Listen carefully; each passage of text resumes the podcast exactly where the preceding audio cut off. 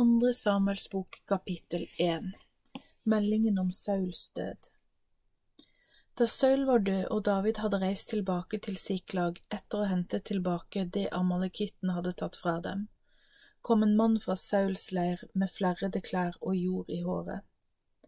Dette skjedde den tredje dagen etter at David hadde kommet tilbake til Siklag. Mannen kastet seg ned på jorden og hyllet David. David spurte ham, hvor er du kommet fra? Da sa han, Jeg har flyktet fra Israels leir. David spurte, Hvordan er stillingen, fortell meg det. Han svarte, Folket har flyktet, mange har falt og er døde. Saul og Jonathan er også døde. Da spurte David den unge mannen hvordan han kunne vite at Saul og sønnen Jonathan var døde, og han svarte, jeg var ved Gilboafjellet, og der så jeg Saul som sto og støttet seg på spydet sitt. Fiendens hær med hester og vogner raste i hans retning. Da snudde Saul seg og så meg og ropte, Hvem er du? Da svarte jeg, Jeg er en amalekitt. Han ropte tilbake, Jeg ber deg om å hjelpe meg, drep meg, for jeg er i dødskrampe, men fortsatt i live. Så stilte jeg meg over ham og drepte ham, for jeg forsto at han ikke kunne overleve dette. Jeg tok diademet som han hadde på hodet og armbåndet hans, og jeg har tatt dem med hit til min herre. Da flerret David klærne sine, det samme gjorde alle mennene som var med ham, slik sørget og gråt de. De fastet helt til kvelden over Saul og Jonathan, og de sørget over Herrens folk og Israels soldater som var blitt drept. Så spurte David den unge mannen som hadde fortalt ham dette, Hvor kommer du fra? Han svarte, Jeg er en sønn av en utlending, en amalekitt. David spurte videre, Hvordan kunne du drepe ham som Herren har salvet? Dette skal du dø for, du har vitnet mot deg selv med din egen munn når du sier, Jeg har drept han som Herren har utpekt og salvet til konge. David ropte på en av de unge mennene og sa, Gå bort og henrett ham. Dermed ble han slått i hjel. Klagesang Så stemte David i med denne klagesangen. Han sørget over Saul og Jonathan ved å synge en klagesang som het Buen. Denne sangen befalte han at Judas slekt skulle lære seg. Den står skrevet i Jasers bok. Israels skjønnhet ligger drept på dine høyder, se hvordan krigerne har falt. Fortell det ikke i gata, forkynn det ikke på gatene i Ashkalo. La ikke filisternes kvinner juble og glede seg over deres død. Dette Gilboa-fjell, måtte det aldri falle dogg eller regn på det, måtte det aldri gro noe der, for der ble krigernes skjold urene. Sauls skjold var ikke velsignet. Jonathans bue vek ikke for noen fare. Sauls sverd vendte aldri tomt tilbake. Saul og Jonathan var elsket og nøt velvilje mens de levde, så skulle de også dø sammen. De var raskere enn ørner og sterkere enn løver. Kvinner av Israel gråt over Saul. Han ga dere skalagens røde klær og gjorde dere vakre. Gullpynt ble festet på deres klesdrakter. Se hvordan krigerne har falt midt i kampen. Jonathan ble drept på høyden. Jeg er tynget av sorg over deg, min bror Jonathan. Du var til stor glede for meg. Din kjærlighet til meg var vidunderlig. Den var større enn noen kvinnes kjærlighet. Se hvordan krigerne har falt.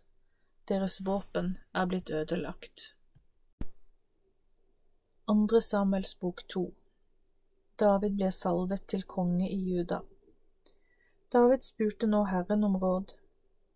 Skal jeg dra opp til noen av Judas byer? Herren svarte, dra opp. Da David spurte hvor, svarte Gud at han skulle dra til Hebron. Så dro David dit opp sammen med sine to koner, Abinoam fra Israel og Abigail, enken etter karmelitten Nabal. David tok også med seg sine menn og deres familier, så bosatte de seg i Hebrons byer. Mennene fra Juda kom dit, og der salvet de David til konge. De fortalte David at det var mennene i Abesh i Gilead som hadde begravd Saul. Da sendte David noen budbærere til mennene i Abesh i Gilead med denne meldingen. Dere er velsignet av Herren fordi dere har vist Saul, deres herre, godhet og respekt ved å begrave ham. Måtte Herren velsigne dere med godhet, styrke og mot fordi dere gjorde dette, og jeg vil også gjøre godt mot dere. Nå er deres herre Saul død, men jeg er blitt salvet til konge over Judas slekter. Ishbosjet ble gjort til konge over Israel. Men Abner, Ners sønn, øverstkommanderende for Sauls hær, lot Sauls sønn Ishbosjet bli konge over Gilead, over asjerittene, over Israel, over Efraim, over Benjamin og over hele Israel. Ishbosjet var 40 år da han ble konge over Israel, og han var konge i to år. Bare Judas hus fulgte David. David var på denne tiden konge over Judas stamme i Hebron. Han var deres konge i sju år og seks måneder. Krig mellom Israel og Juda Abner, tidligere øverstkommanderende for Sauls hær, og tjenerne til Ishbosjet dro ut fra Mahan, Mahanayim til Gibeon for å kjempe mot Judas stamme. Joab, Seruyas sønn, og Davids tjenere dro ut og møtte dem ved dammen i Gibeon. Hærstyrkene slo seg ned på hver side av dammen. Så sa Abner til Joab. La nå våre beste krigere stå opp og kjempe tvekamp for oss. Joab sa, det gjør vi. Tolv krigere fra hver side ble valgt ut. De grep tak i hodet til motstanderen sin og stakk sverdet i siden på ham. Slik døde de alle sammen. Derfor ble det stedet kalt De skarpe sverds mark. Stedet ligger i Gibeon. Det ble en voldsom kamp den dagen. Abner og mennene hans fra Israel ble slått av Davids tjenere. De tre sønnene til Davids tjener Seruja var der. De het Joab, Abishai og Asael. Asael var lett på foten som en gaselle ute i marken. Asael jaget etter Abner, og han tok ikke av verken til høyre eller venstre på veien så lenge han fulgte etter Abner. Da så Abner seg tilbake og spurte, Er det du, Asael? Han svarte, Det er jeg. Abner sa til ham, Ta tak i en av rustningene til de unge mennene, du kan ta den på deg. Men Asael ville ikke holde opp og følge etter ham. Da sa Abner igjen til Asael, ikke forfølg meg lenger, hvorfor skulle jeg slå deg i bakken? Hvordan skulle jeg da kunne møte broren din Joab ansikt til ansikt? Men han nektet å stoppe, derfor stakk Abner ham i magen med spydskaftet slik at spydet kom ut gjennom ryggen hans. Asael falt ned og døde på stedet. Alle som kom til det stedet hvor Asael falt om og døde, ble stående stille der. Også Joab og Abishai forfulgte Abner. Solen var nær ved å gå ned da de kom til Ammahaugen, som er rett overfor Gia, på veien til Gibeon-ødemarken. Mennene fra Benjamins stamme samlet seg bak Abner og dannet en flokk. De stilte seg opp, klar til kamp, på toppen av en høyde. Da ropte Abner til Joab og sa, Skal da sverdet ødelegge for alltid? Forstår du ikke hvor bittert dette vil ende? Hvor lenge vil du vente før du ber folket snu og slutte å forfølge brødrene sine? Joab sa, Så sant Gud lever, hvis ikke du hadde sagt noe, ville folket uten tvil ha gitt opp å forfølge brødrene sine allerede fra morgenen av. Så blåste Joab i basunen, og hele folket sto stille. De forfulgte ikke Israel lenger, og de kjempet heller ikke mer. Abner og mennene hans fortsatte over sletten hele natten, krysset Jordan og dro gjennom Bitran. Så kom de til Mahanayim. Joab dro tilbake etter å ha forfulgt Abner. Da han hadde samlet hele folket, manglet Asael og 19 andre av Davids menn. Men Davids menn hadde drept 360 av Benjamin og Abners menn. Asael ble funnet og begravd i sin fars grav i Betlehem. Joab og mennene hans gikk hele natten, og de kom til Hebron ved daggry. Andre Samuels bok tre Kamp om tronen Det ble en langvarig strid mellom Sauls etterfølgere og Davids slekt. David ble sterkere og sterkere, mens Sauls hus ble svakere og svakere. David fikk sønner i Hebron. Hans førstefødte var Amnon, som han fikk med Akinoam fra Israel. Den andre var Kilab, som han fikk med Abigail, enken etter karmelitten Nabal. Den tredje var Absalom, sønn av Maaka, datter av Talmai, kongen av Geshur. Den fjerde var, Adonja, sønn av Haggit. Den femte var Shefatya, sønn av Abital. Og den sjette var Jitream, som David fikk med sin kone Egla. Abner slår seg sammen med David. Mens det var krig mellom Sauls og Davids slekt, fikk Abner stadig en sterkere stilling hos Sauls etterkommere. Saul hadde hatt en kone som het Rispa, hun var datter av Aya. Ishbosjet sa en dag til Abner, Hvorfor ligger du med min fars enke? Fordi at Ishbosjet sa dette, ble Abner veldig sint, og han sa, Hva tar du meg for, Tror du jeg er et dyr? Har ikke jeg vist godhet mot familien til faren din, mot brødrene og vennene hans? Jeg har heller ikke overgitt deg til David. Men i dag anklager du meg for å utnytte denne kvinnen. Måtte Gud straffe meg både nå og siden, hvis jeg ikke gjør det Herren mener er rett. Han har lovet David å få tronen. Kongedømmet skal overføres fra Saul og gis til David.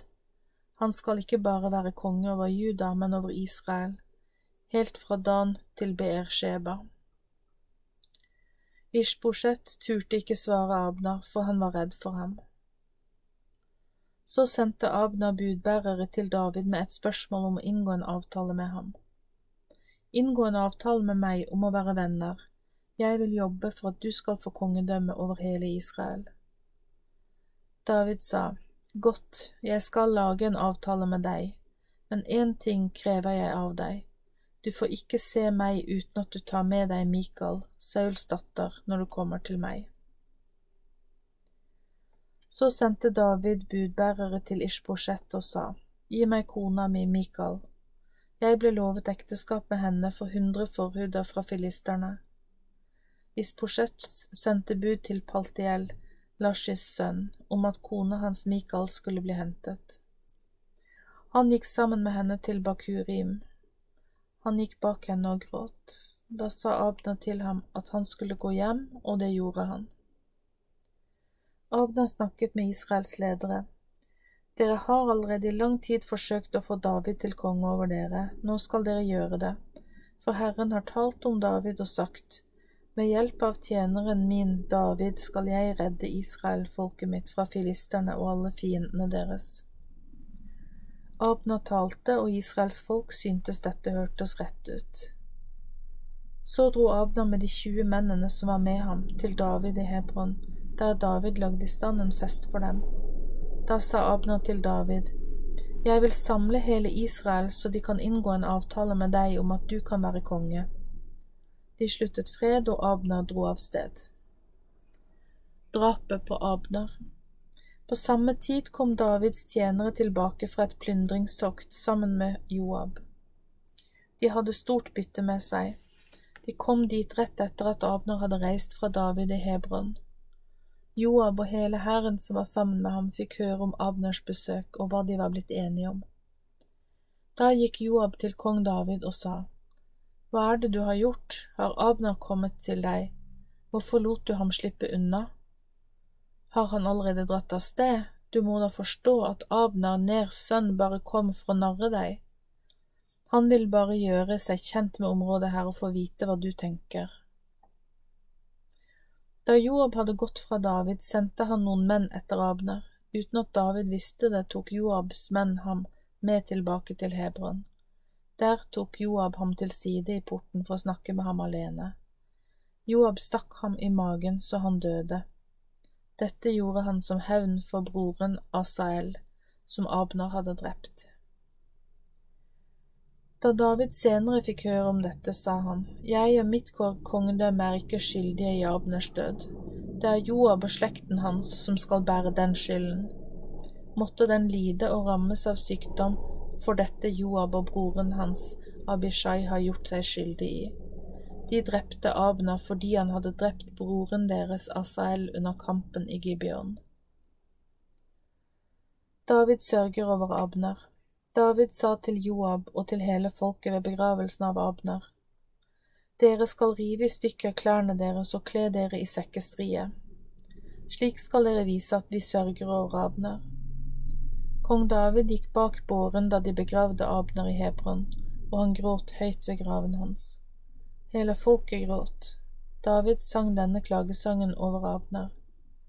Skulle du, Abner, dø som en tosk, hendene dine var ikke bundet, og føttene dine var ikke satt i lenker, du ble utsatt for onde menn, og derfor døde du.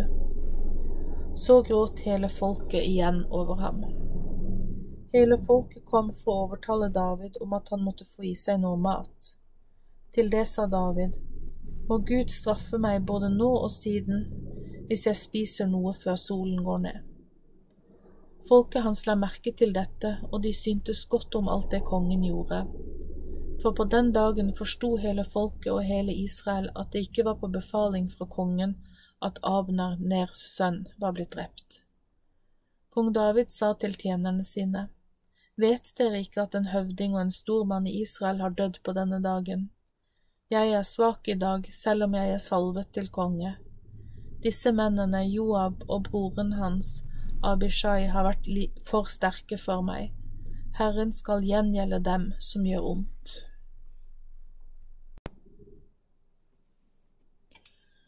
Andre Samuels bok fire Ishbosjet blir drept. Da Sauls sønn Ishbosjet hørte at Abner var død i Hebron, mistet han helt motet. Hele Israel ble skrekkslagne. Sauls sønn hadde to menn som hadde ansvar for soldatene. Navnet på den ene var Baana og den andre Rekab.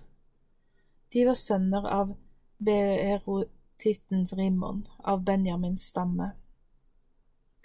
For Beerot var også egnet, regnet som en del av Benjamins stamme fordi beerotittene hadde flyktet til Gitajim og siden vært innflyttere der.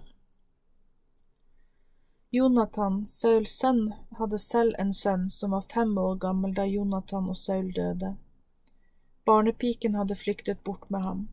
Hun hadde det travelt med å komme seg unna med gutten, for, det, for da hadde det skjedd en ulykke. Han falt ned og ble lam i begge beina. Han het Mefibosjet. Sønnene til beerotitten Rimman, Rekab og Baana dro til Ishbosjet. De kom fram til huset da dagen var på det varmeste, og Ishbosjet lå og hvilte middag. De kom helt inn i huset og lot som om de skulle hente hvete. Han lå på sengen i soverommet, og der knivstakk de ham i magen, slo ham og hogg hodet av ham. Det tok de med seg, og hele natten var de på flukt over sletten. Slik kom de seg unna. De kom med Ishbosjets hode til David i Hebron og sa til kongen, Se, her er hodet til Ishbosjet, sønn av fienden din Saul, som var ute etter å ta livet av deg. Nå har Herren tatt hevn over Saul og slekten hans for deg, vår konge. David svarte, hva tenker dere på? Det er Herren som har reddet meg ut av alle vanskeligheter. Da en kom og fortalte meg at Saul var død, trodde han at han kom med gode nyheter, men jeg arresterte ham og fikk ham henrentet i Siklag. Det var belønningen jeg ga ham for den nyheten. Hvor mye verre er ikke det dere har gjort, dette var ondt gjort, å drepe et rettferdig menneske i sitt eget hus og i sin egen seng. Skulle dere ikke betale med deres eget liv, dere som har en uskyldig manns blod på hendene? Dere skal fjernes fra jorden. Så befalte David at de unge mennene som tjente hos ham, skulle henrette dem. De hogg hendene og føttene av dem og hengte dem opp ved dammen i Hebron, med hodet til Isbosjet, men hodet til Isbosjet begravde de i Abners grav i Hebron. Andre Samuels bok fem David ble konge over hele Israel. Så kom alle Israels stammer til David i Hebron. De sa til ham, Er vi ikke alle i slekt med deg? Også i tidligere tider, da Saul var konge over oss, var du den som ledet Israel ut i krig og førte dem hjem igjen. Herren sa til deg, Du skal være hyrde for Israel, mitt folk, og du skal være fyrsten over Israel. Derfor kom alle Israels ledere til David. Han inngikk en avtale om å bli kongen deres. Det skjedde i Hebron med Herren som vitne. De salvet David til konge over Israel. Han var 30 år gammel da han ble konge, og han var konge i 40 år. I Hebron var han konge over Juda i sju år og seks måneder, og så var han konge i Jerusalem for hele Israel i 33 år. Jerusalem ble, blir erobret. Kongen og mennene hans dro til Jerusalem og gikk imot jebusittene som bodde i landet. De sa til David, Du skal ikke komme hit, de blinde og lamme skal drive deg bort, for de sa, David kan ikke komme inn her. Likevel inntok David Sion-borgen, og det ble Davids by. David svarte, Hvem som helst kan klatre opp langs veien og følge vannsjakten og beseire jebusittene. Så flyttet David inn i borgen, og han bygde på hele strekningen fra Millo og innover. David ble stadig mektigere, Herren herskarenes Gud var med ham. Deretter sendte Hiram, kongen av Tyros, budbærere til David sammen med sedertrær, snekkere og steinhoggere. De bygde et slott for David, da forsto David at Herren ønsket ham som konge over Israel, og at han hadde latt det gå godt for et kongedømme, for Davids skyld og for sitt folk Israels skyld. Etter at David hadde reist fra Hebron, fikk han, med, fikk han seg flere koner fra Jerusalem. Han fikk flere sønner og døtre. Disse barna fikk han i Jerusalem. Shamua, Shobab, Natan, Salomo, Jibhar, Elishua, Nefeg, Jafia, Elishama, Eliada og Elifelet. Filisterne blir overvunnet. Da filisterne hørte at Israel hadde salvet David til konge, dro alle ut for å lete etter ham. David fikk høre om det og dro ned til borgen. Filisterne dro også av sted og spredte seg i flere flokker i Refaimdalen. Da spurte David Herren om råd. Skal jeg dra opp mot filisterne? Vil du la meg vinne over dem? Herren sa til David, dra opp, for jeg skal gi deg filisterne. Så dro David til Baal Parasim og slo dem. Han sa, Herren har brutt gjennom fienden, rett foran meg. Hans kraft er som en foss. Derfor kalte han dette stedet Baal Perasim som betyr gjennombruddets mester. David fant filisternes avgudsbilder, og Davids menn bar dem bort. Filisternes hær dro ut enda en gang, de spredte seg flokkvis utover i Refaimdalen. Derfor spurte David Herren om råd. Herren sa, Du skal ikke dra dit opp, gå heller rundt på baksiden av dem og kom mot dem rett foran morbærtrærne. Når du hører lyden av marsjgang over tretoppene, skal du rykke hurtig frem, for da skal Herren dra ut foran deg for å slå filisternes hær. David gjorde mot Herren som Herren hadde befalt ham. Han slo filisterne og forfulgte ham helt fra Geba til Geser.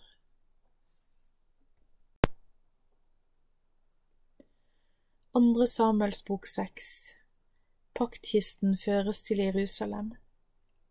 Enda en gang samlet David Israels utvalgte, de var 30 000 menn.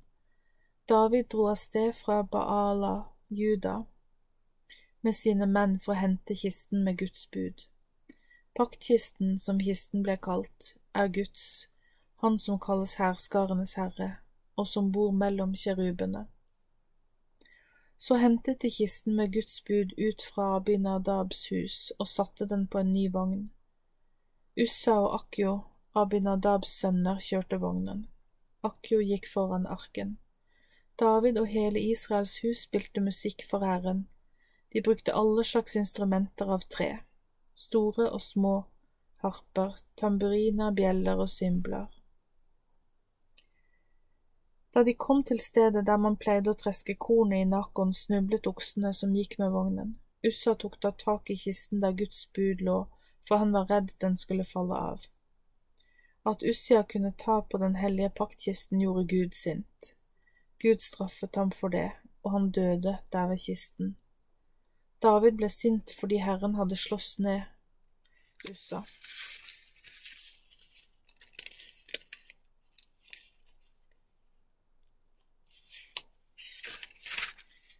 Han kalte dette stedet angrep mot Ussa. Det heter det fortsatt. David fikk stor respekt for den hellige paktkisten og ble redd for Herren. David sa, Hvordan kan Herrens paktkiste komme til meg? Derfor ville ikke David ta Herrens paktkiste med seg opp til Jerusalem. David satte den i stedet i huset til gittitten Obed Edom. Der ble den værende i tre måneder. Herren velsignet Obed Edom og familien hans. Dette ble fortalt til kong David. Folk kunne fortelle, Herren har velsignet Obed Edom, familien hans og alt som tilhører ham, fordi han har Guds paktkiste stående hos seg. Da dro David for å hente kisten med Guds bud fra Obed Edoms hus til Davids by. Dette gjorde han med stor glede. Da de som bar Herrens paktkiste hadde gått seks skritt fram, ofret David okser og fete sauer. Så danset David av all makt for Herren i hans nærvær. David hadde på seg en kjortel av lin. David og hele Israels folk førte Herrens paktkiste til Davids by, med jubelrop og lyden av horn. Da kisten med Guds bud kom inn i byen, så Mikael, Sauls datter og Davids kone ut gjennom et vindu. Hun så kong David som hoppet og danset rundt til glede for Herren. Hun mislikte dette og kjente en avsky for ham. Kisten med Guds bud ble plassert midt i gudstjenesteteltet der David hadde lagd plass for den. Så ofret David til Herren. Der i Guds nærvær brente han et offer med bønn og fred og takk til Gud, om fred og takk til Gud. Da David var ferdig med ofringen, velsignet han folket i Herren herskarenes navn. Så delte han ut et brød, et kakestykke og en rosinkake til alle kvinner og menn i Israel. Så dro hele folket av sted, hver til sitt hus. David gikk tilbake for å velsigne sitt eget hjem. Mikael, Sauls datter, kom ut for å møte ham. Hun kom med en syrlig kritikk. Skal si du oppførte deg som en verdig konge for Israel i dag, der du danset med bar kropp så både tjenestepiken og tjenerne kunne se deg. Eier du ikke skam ved å kle av deg slik? Da svarte David, Jeg gjorde det for Herren, jeg gjorde det for Hans øyne, som valgte meg ut i stedet for faren din og etterkommerne hans. Han har utnevnt meg til å være konge over, han, over folket hans, Israel. Derfor le leker jeg for Herrens ansikt jeg er villig til å gjøre ting som er enda mer uverdig i menneskers øyne. Slik vil jeg ydmyke meg selv. De tjenestepikene du snakket om, vil nok få respekt for meg, men Mikael, Sauls datter, forble barnløs helt til sin dødsdag. Andre Samuels bok sju Gud inngår en avtale med David. Kong David bodde i huset sitt, og Herren ga ham ro for alle fiendene som var rundt omkring. Da sa David til profeten Natan, Se, jeg bor i et hus bygd av sedertre, mens kisten med Guds bud står under en teltduk. Er det rett at paktkisten står der? Da sa Natan til kongen, Gå og gjør alt som ligger deg på hjertet, for Herren er med deg. Men den samme natten skjedde det at Herrens ord kom til Natan, og det lød slik. Gå og si til David, tjeneren min, så sier Herren, vil du bygge et hus for meg, et hus der jeg skal bo, for jeg har ikke bodd i noe hus siden den dagen jeg førte Israels folk opp fra Egypt og helt til i dag. Men jeg har flyttet omkring i et telt, ja, i et tabernakel. Har jeg i alle disse årene noen gang sagt til prestene at jeg ønsker meg et hus bygd av tre?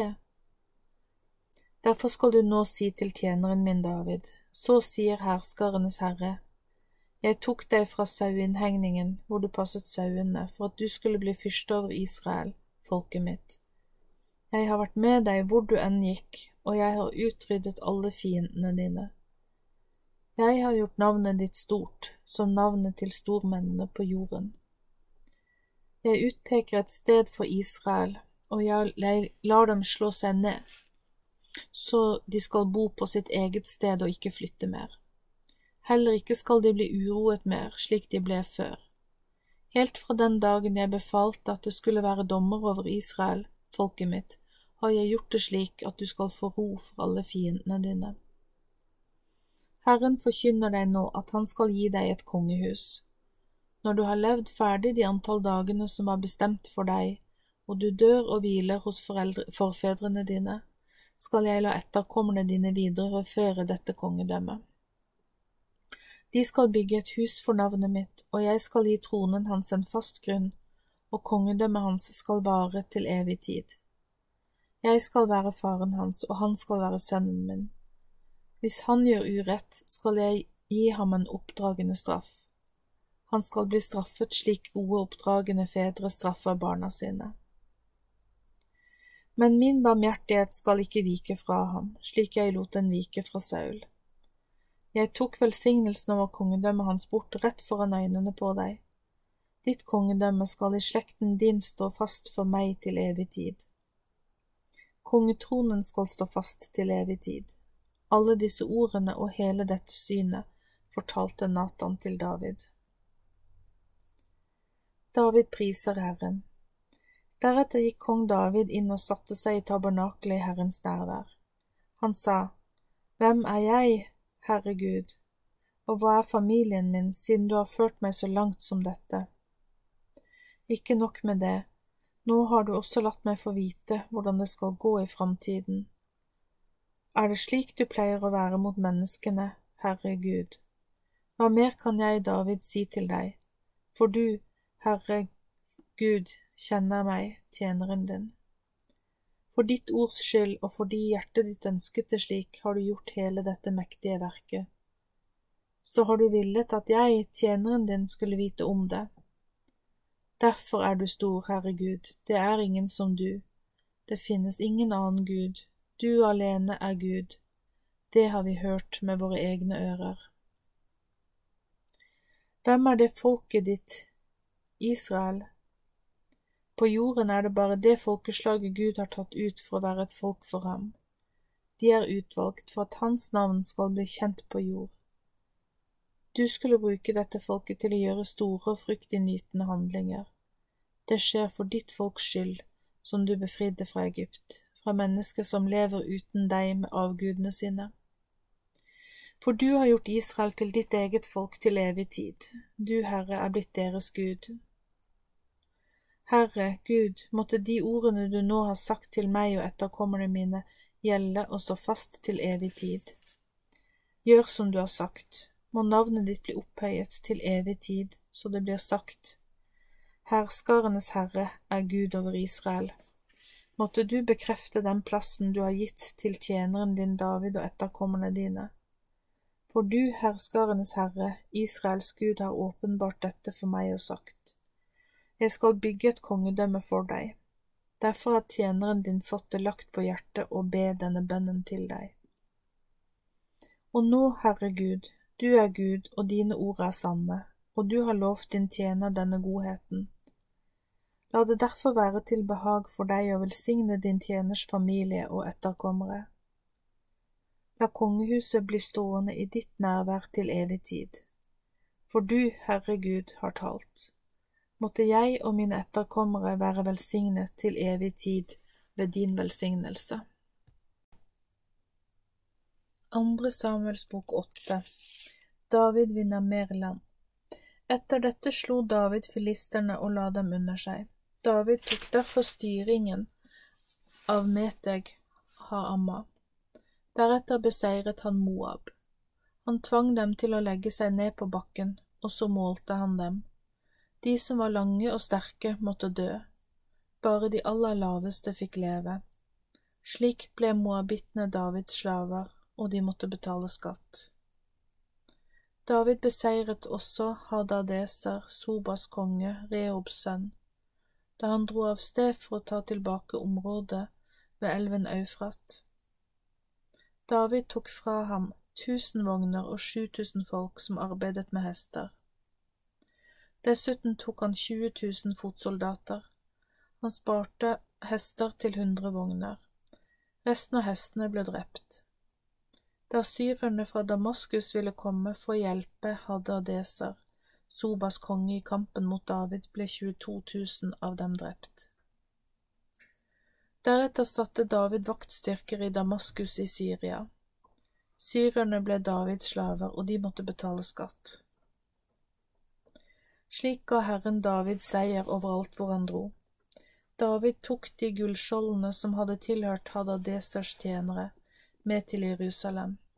Også fra Hadadesers byer, Betakog og Berotai, tok kong David et stort parti bronse. Da Tou, Hamats konge, hørte at David hadde slått hele hæren til Hadadeser, sendte han sønnen sin Joram til kong David for å hilse ham med fred og velsigne ham. Dette gjorde han fordi han hadde slått Hadadeser i kamp. Hadadeser hadde nemlig stadig ligget i krig med Tou. Joram hadde med seg gaver til kong David. Det var verdigjenstander av sølv, gull og bronse. Kong David ga det han fikk, til Herren. Det skulle brukes i en hellig tjeneste for ham. Det hadde han også gjort med sølvet og gullet fra Syria, fra Moab, fra folket i Amman, fra filisterne, fra Amalek og fra byttet etter Hadadeser. Rehobs sønn og fra Sobas, ja, fra alle folkeslagene han hadde lagt under seg som konge. David fikk et stort navn da han kom tilbake etter å ha drept 18 000 syrere i Saltdalen. Over hele Edom satte han opp vaktstyrker, og alle edomittene ble Davids slaver. Herren ga David seier overalt hvor han dro fram. Davids styre og ledere Så var David konge over hele Israel. David sørget for rett og rettferdighet for hele folket sitt. Joab, Seruyas sønn, ble satt over hæren. Josjafat, Akiluds sønn, ble historieskriver. Sadok, Akitubs sønn og Akimelek, Abiatars sønn, var prester. Seraya var statsskriver. Beinaya, Jojadas sønn, sto både over keretittene og peletittene. Davids sønner var de øverste prestene. Andre Samuels bok ni Davids vennlighet mot Mefibosjet David sa, Finnes det ennå noen som er igjen av Sauls slekt? I så fall vil jeg for Jonathans skyld vise ham godhet. Det var en tjener fra Sauls hus som het Siba. Da de hadde bedt ham komme til David, spurte kong David, Er du Siba? Han svarte at det var han, og da sa kongen, Er det ikke noen igjen av Sauls slekt som jeg kan vise Guds barmhjertighet mot? Siba sa til kongen, Jonathan har en sønn som lever, han er lam i begge beina. Da spurte David, Hvor er han? Siba svarte, han er i huset til Makir, Amiels sønn, i Lodebar. Kong David sendte bud på den lamme Mefibosjet. Han lot ham bli hentet ut av huset til Makir, Amiels sønn, fra Lodebar. Da sønnen til Jonathan kom inn til David, bøyde han seg dypt for å vise David ære. David spurte om han var Mefibosjet. Han svarte at det var han, og da sa David til ham, Frykt ikke, for jeg skal være god mot deg, for faren din Jonathans skyld. Jeg skal gi deg tilbake alt landet farfaren din Saul eide. Du skal alltid spise ved mitt bord. Igjen falt Mefibosjet på kne foran David og sa, Hvordan kan det ha seg at du viser meg, tjeneren din, en slik oppmerksomhet? Jeg er vel ikke for mer å regne enn en død hund. Kongen kalte til seg Siba, Sauls tjener, og sa til ham, Alt det som tilhørte Saul og hele familien hans, har jeg gitt din herres sønn. Derfor skal du, sønnene og tjenerne dine dyrke jorden for ham og høste inn avlingen for ham, så din herres sønn kan ha brød å spise.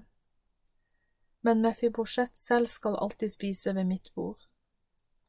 Siba hadde 15 sønner og 20 tjenere. Da sa Siba til kongen, Jeg, din tjener, skal gjøre alt det min herre kongen har befalt. Og Mefibosjet, sa kongen, han skal spise ved mitt bord som en av kongens sønner. Mefibosjet hadde en ung sønn som het Mika. Alle som bodde i Sibas hus, ble Mefibosjets tjenere. Mefibosjet ble boende i Jerusalem, og han spiste alltid ved kongens bord. Han var lam i begge beina. Andre Samuels bok ti Ammonittene og syrerne blir overvunnet. En tid senere døde kongen over folket i Ammon. Hans sønn Hanun ble konge i hans sted. Da sa David, Jeg vil vise vennlighet mot Hanun, nakkars sønn, slik faren hans viste vennlighet mot meg. Så sendte David bud ved tjenerne sine for å trøste ham i sorgen over faren hans. Da Davids tjenere kom inn i ammonittenes land, sa lederne der til sin herre Hanun, Tror du virkelig at David har sendt noen hit for å trøste deg for å vise faren din ære? Er det ikke heller for å utforske og spionere på byen vår for siden å ødelegge den? Derfor tok han nun Davids menn og barberte av dem halvparten av skjegget, skar av klærne deres ved hoften og sendte dem av sted. Da David fikk høre om dette, sendte han noen for å møte dem, for de hadde vært utsatt for en grov æreskrenkelse. Kongen sa, Vent i Jeriko til skjegget deres har vokst ut igjen, og kom så tilbake. Da folk i Ammon innså at de hadde fått David til å hate dem, sendte de bud på leiesoldater fra Betrehob og fra Soba. Det var til sammen 20 000 syriske fotsoldater. Fra kongen i Maaka leide de 1000 menn, og fra Tob 12 000 menn. Da David fikk høre om dette, sendte han Joab og hele hæren med modige menn av sted. Så kom folket fra Ammon ut for å slutte seg til de andre krigerne. De stilte seg opp så det ble to fronter som Israels menn måtte slåss mot. Da Joab så at han måtte slåss mot to fronter, både forfra og bakfra, valgte han ut noen av Israels beste menn og stilte dem opp for å møte syrerne. Resten av hæren satte han under sin bror Abishais kommando. Han kunne stille dem opp for å møte folket fra Ammon. Han sa til Joab, Hvis syrene blir for sterke for meg, skal du redde meg. Blir folket fra Ammon for sterke for meg, skal jeg komme og redde deg. La oss være ved godt mot, og la oss være sterke for folket vårt og for byene til vår Gud. Måtte Herrens vilje skje med oss. Da Joab og hæren hans nærmet seg syrerne, flyktet de bort fra ham. Da folket fra Ammon så at syrerne flyktet, flyktet de også. Israelittene kom inn i byen. Da dro Joab tilbake til Jerusalem. Da syrerne så at Israel hadde vunnet over dem, samlet de seg igjen. Så sendte Hadadeser bud på de syrerne som var på andre siden av elven, og de kom til Helam. Syrerne samlet seg for å møte David. Shobak, øverstkommanderende for Hadadesers hær, dro fram foran dem for å kjempe mot David. Da dette ble fortalt til David, samlet han hele Israels hær. De dro over Jordan og kom til Helam. Også denne gangen flyktet syrerne fra israelittene. David drepte mannskapet på 700 stridsvogner og 40 000 menn blant syrerne. Han drepte Shobak, øverstkommanderende for hæren deres. Da alle småkongene som var under Hadadesa så at de hadde tapt mot Israel, inngikk de en fredsavtale. De ville heller være en del av Israel. Slik ble syrerne redde for å hjelpe folket fra Ammon flere ganger. Andre Samuels bok 11 David lar seg friste Om våren det året, på den tiden kongene pleier å dra i krig, sendte David Joab av sted sammen med tjenerne hans. Hele Israels hær kjempet og slo ned folket fra Ammon og beleiret Rabba. David selv var i Jerusalem. En kveld sto David opp fra sengen og gikk en tur på slottstaket. Fra taket fikk han øye på en veldig vakker kvinne som badet. Så sendte David bud og forhørte seg om denne kvinnen.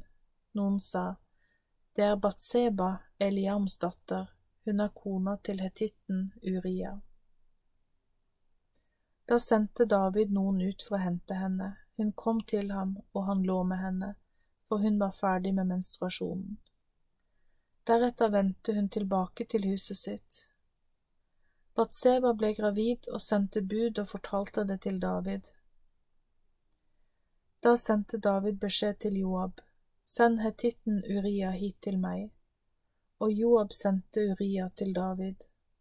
Da Uria kom, spurte David hvordan det gikk med Joab og hæren, og om de hadde hatt framgang i striden. Så sa han til ham, Gå hjem og slapp av. Så forlot Uria kongens hus, og det ble sendt en gave fra kongen etter ham. Men Uria sov ved døren til kongens hus sammen med alle tjenerne til hans herre, og han gikk ikke hjem.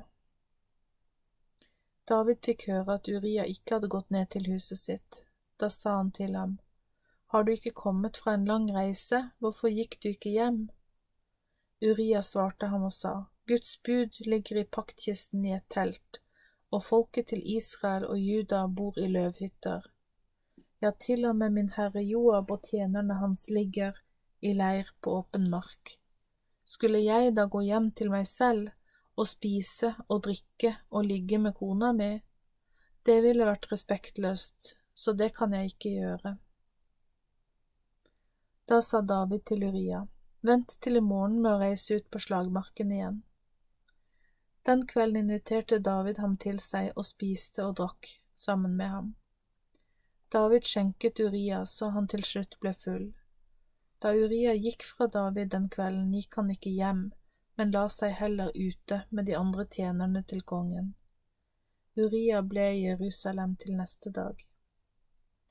Morgenen etter skrev David et brev til Joab og sendte det med Uria.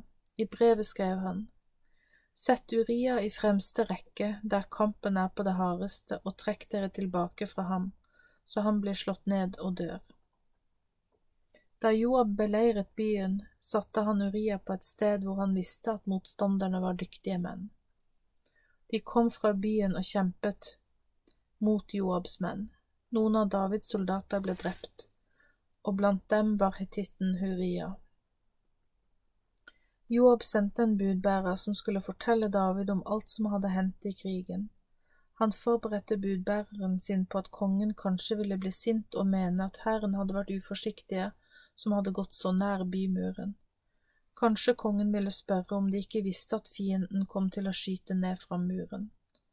Han vil sikkert også nevne at Abimelek, Jerubeshets sønn, ble drept av en kvinne som kastet et stykke av en kvernstein fra muren og at dette ble hans død der i Tebes.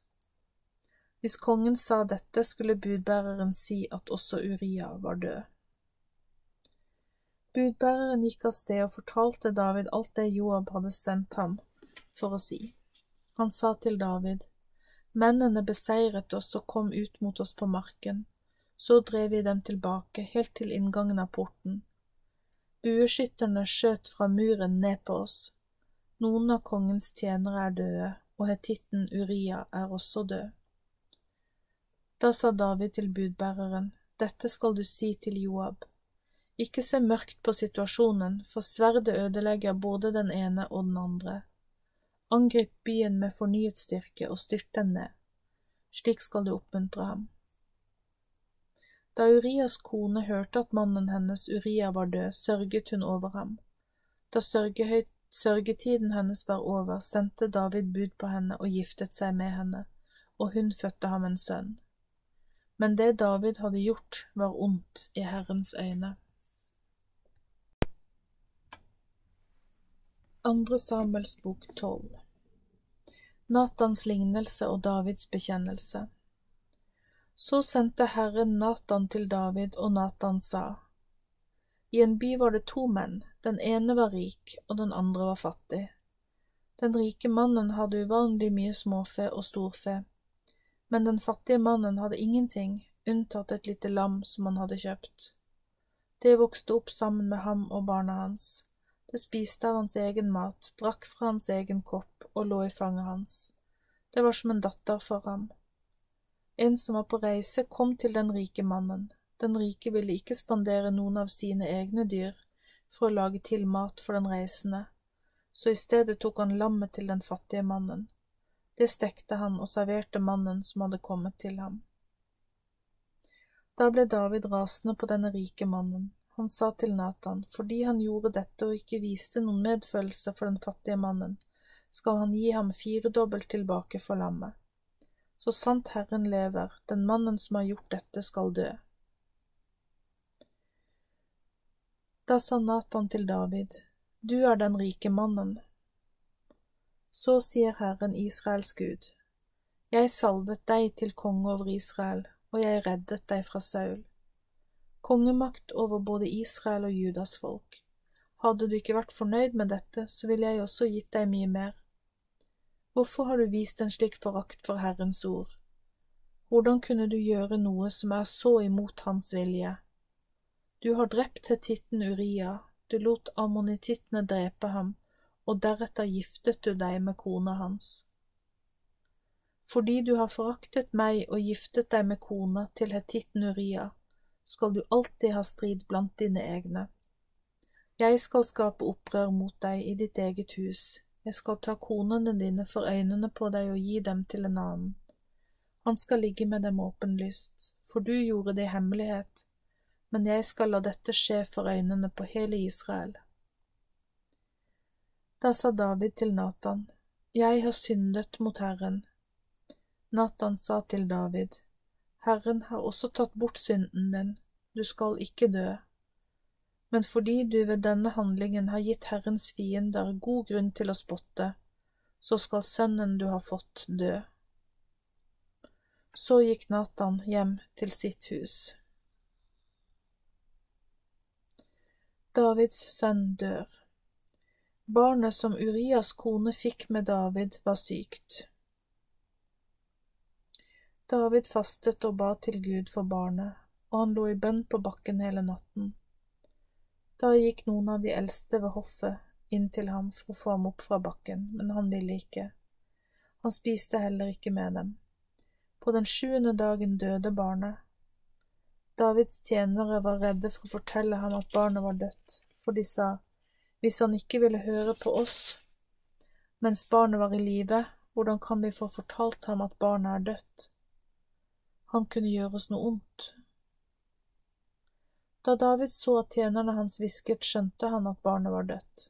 Derfor spurte han dem om barnet hadde dødd, og de bekreftet dette. Da reiste David seg opp, vasket seg og skiftet klær. Han gikk inn i Herrens hus og tilba Herren, så gikk han hjem, ba om å få mat, og spiste. Da sa tjenerne til ham, Hvorfor oppfører du deg slik? Du fastet og gråt for barnet mens han var i live, men da barnet døde, sto du opp og spiste. David sa, Så lenge barnet var i live, fastet jeg og gråt, for jeg tenkte at Herren kanskje vil være nådig mot meg, så barnet kunne få leve men nå er han død, så hvorfor skulle jeg da faste? Kan jeg hente ham tilbake igjen? En dag kommer jeg dit han er, men han kan ikke komme hit til meg.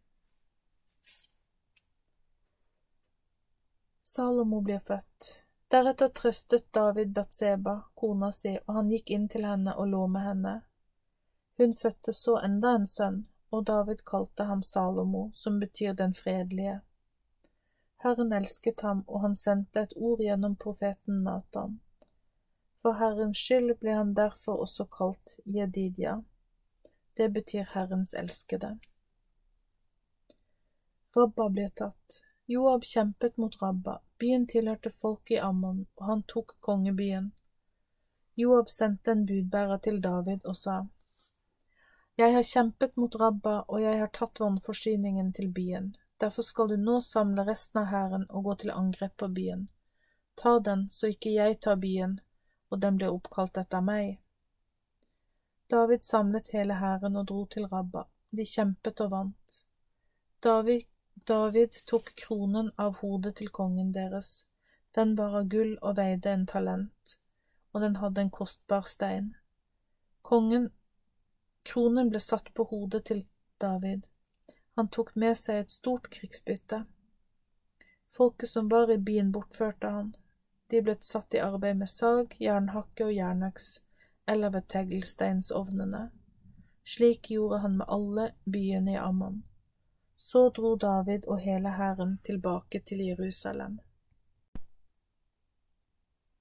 Andre Samuels bok 13 Amnon og Tamar Absalom, Davids sønn, hadde en vakker søster som het Tamar. David hadde en annen sønn som het Amnon, og han elsket Tamar. Han ble så fortvilet over dette at han ble syk. Hun var jomfru, og han syntes det var helt galt av ham å røre henne. Amnon hadde et søskenbarn som het Jonadab. Han var sønn av Shima, Davids bror, og han var en meget utspekulert mann. En dag sa han til Amnon, Du som er kongens sønn, hvorfor blir du bare tynnere for hver dag som går? Vil du ikke fortelle meg det? Da sa Amnon til ham, jeg elsker Tamar, min bror Absaloms søster. Da sa Jonadab til ham, Legg deg i sengen og lat som om du er syk. Når faren din kommer for å se til deg, skal du be ham om å la Tamar komme og lage mat til deg.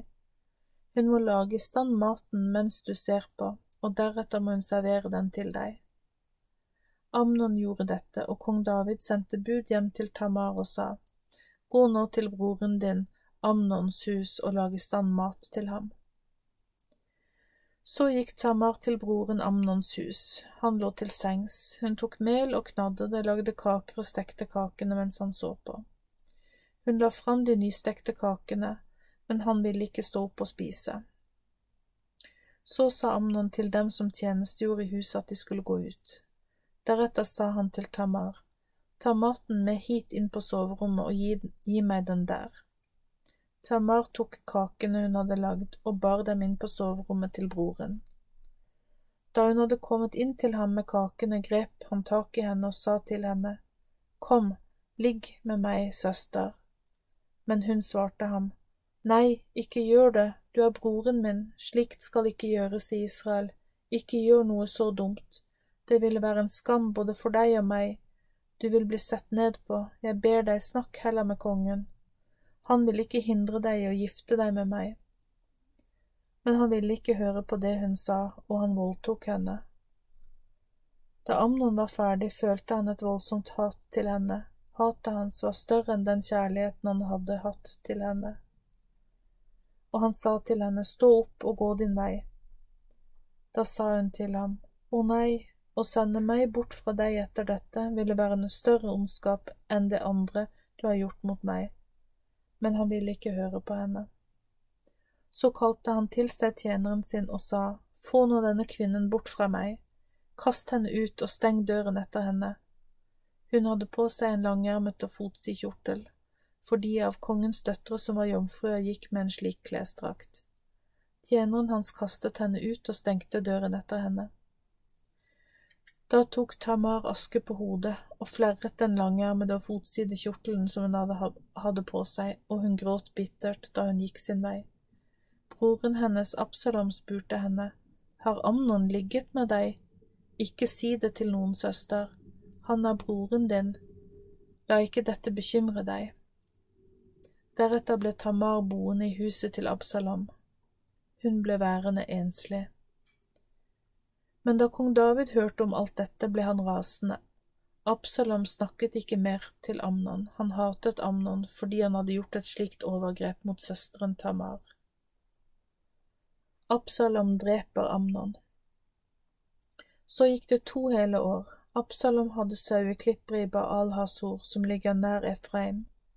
Absalom gikk inn til kongen og sa, Nå har jeg saueklippere i arbeid, kan ikke du, konge, og tjenerne dine komme ut til oss? Men kongen svarte, Nei, sønn, det vil jeg ikke, vi vil bare bli en belastning for deg. Absalom prøvde å overtale ham, men han ville ikke bli med ham. Kongen velsignet ham, og da sa Absalom, Hvis ikke du kan komme, så la i hvert fall broren min Amnon bli med oss. Kongen spurte, Hvorfor skulle han gå med deg? Absalom forklarte hvor gjerne han ville at de skulle komme, så kongen lot Amnon og alle de andre sønnene bli med ham. Slik inviterte Absalom alle kongens sønner til et lystig lag. Absalom hadde befalt tjenerne sine å følge med Amnon. Når han ble beruset av vinen, skulle de slå ham ned. Absalom sa, Når jeg sier slå ned Amnon, da mener jeg at dere skal drepe ham. Vær ikke redde for konsekvensene, for dere gjør det på min befaling. Vær sterke og modige. Absaloms tjenere drepte Amnon, slik Abs Absalom hadde befalt. Deretter flyktet alle de andre sønnene til kongen på muldyrene sine. Mens de var på veien, nådde nyheten fram til David. Han fikk høre at Absalom hadde drept alle sønnene hans. Ikke en av dem hadde overlevd. Da sto kongen opp, flerret klærne sine og kastet seg til jorden. Alle tjenerne hans sto sammen med ham med flerrede klær. Da sa Jonadab, som var sønn av Shima, Davids bror, Min herre må ikke tro det han hører, det er ikke sant at alle kongens sønner er døde, det er bare Amnon som er død. Han ble drept på befaling av Absalom, for han har vært fast bestemt på å drepe ham etter at han voldtok søsteren Tamar. Du må ikke sørge som om alle sønnene dine er døde, for det er bare Amnon som er død. Absalom flykter.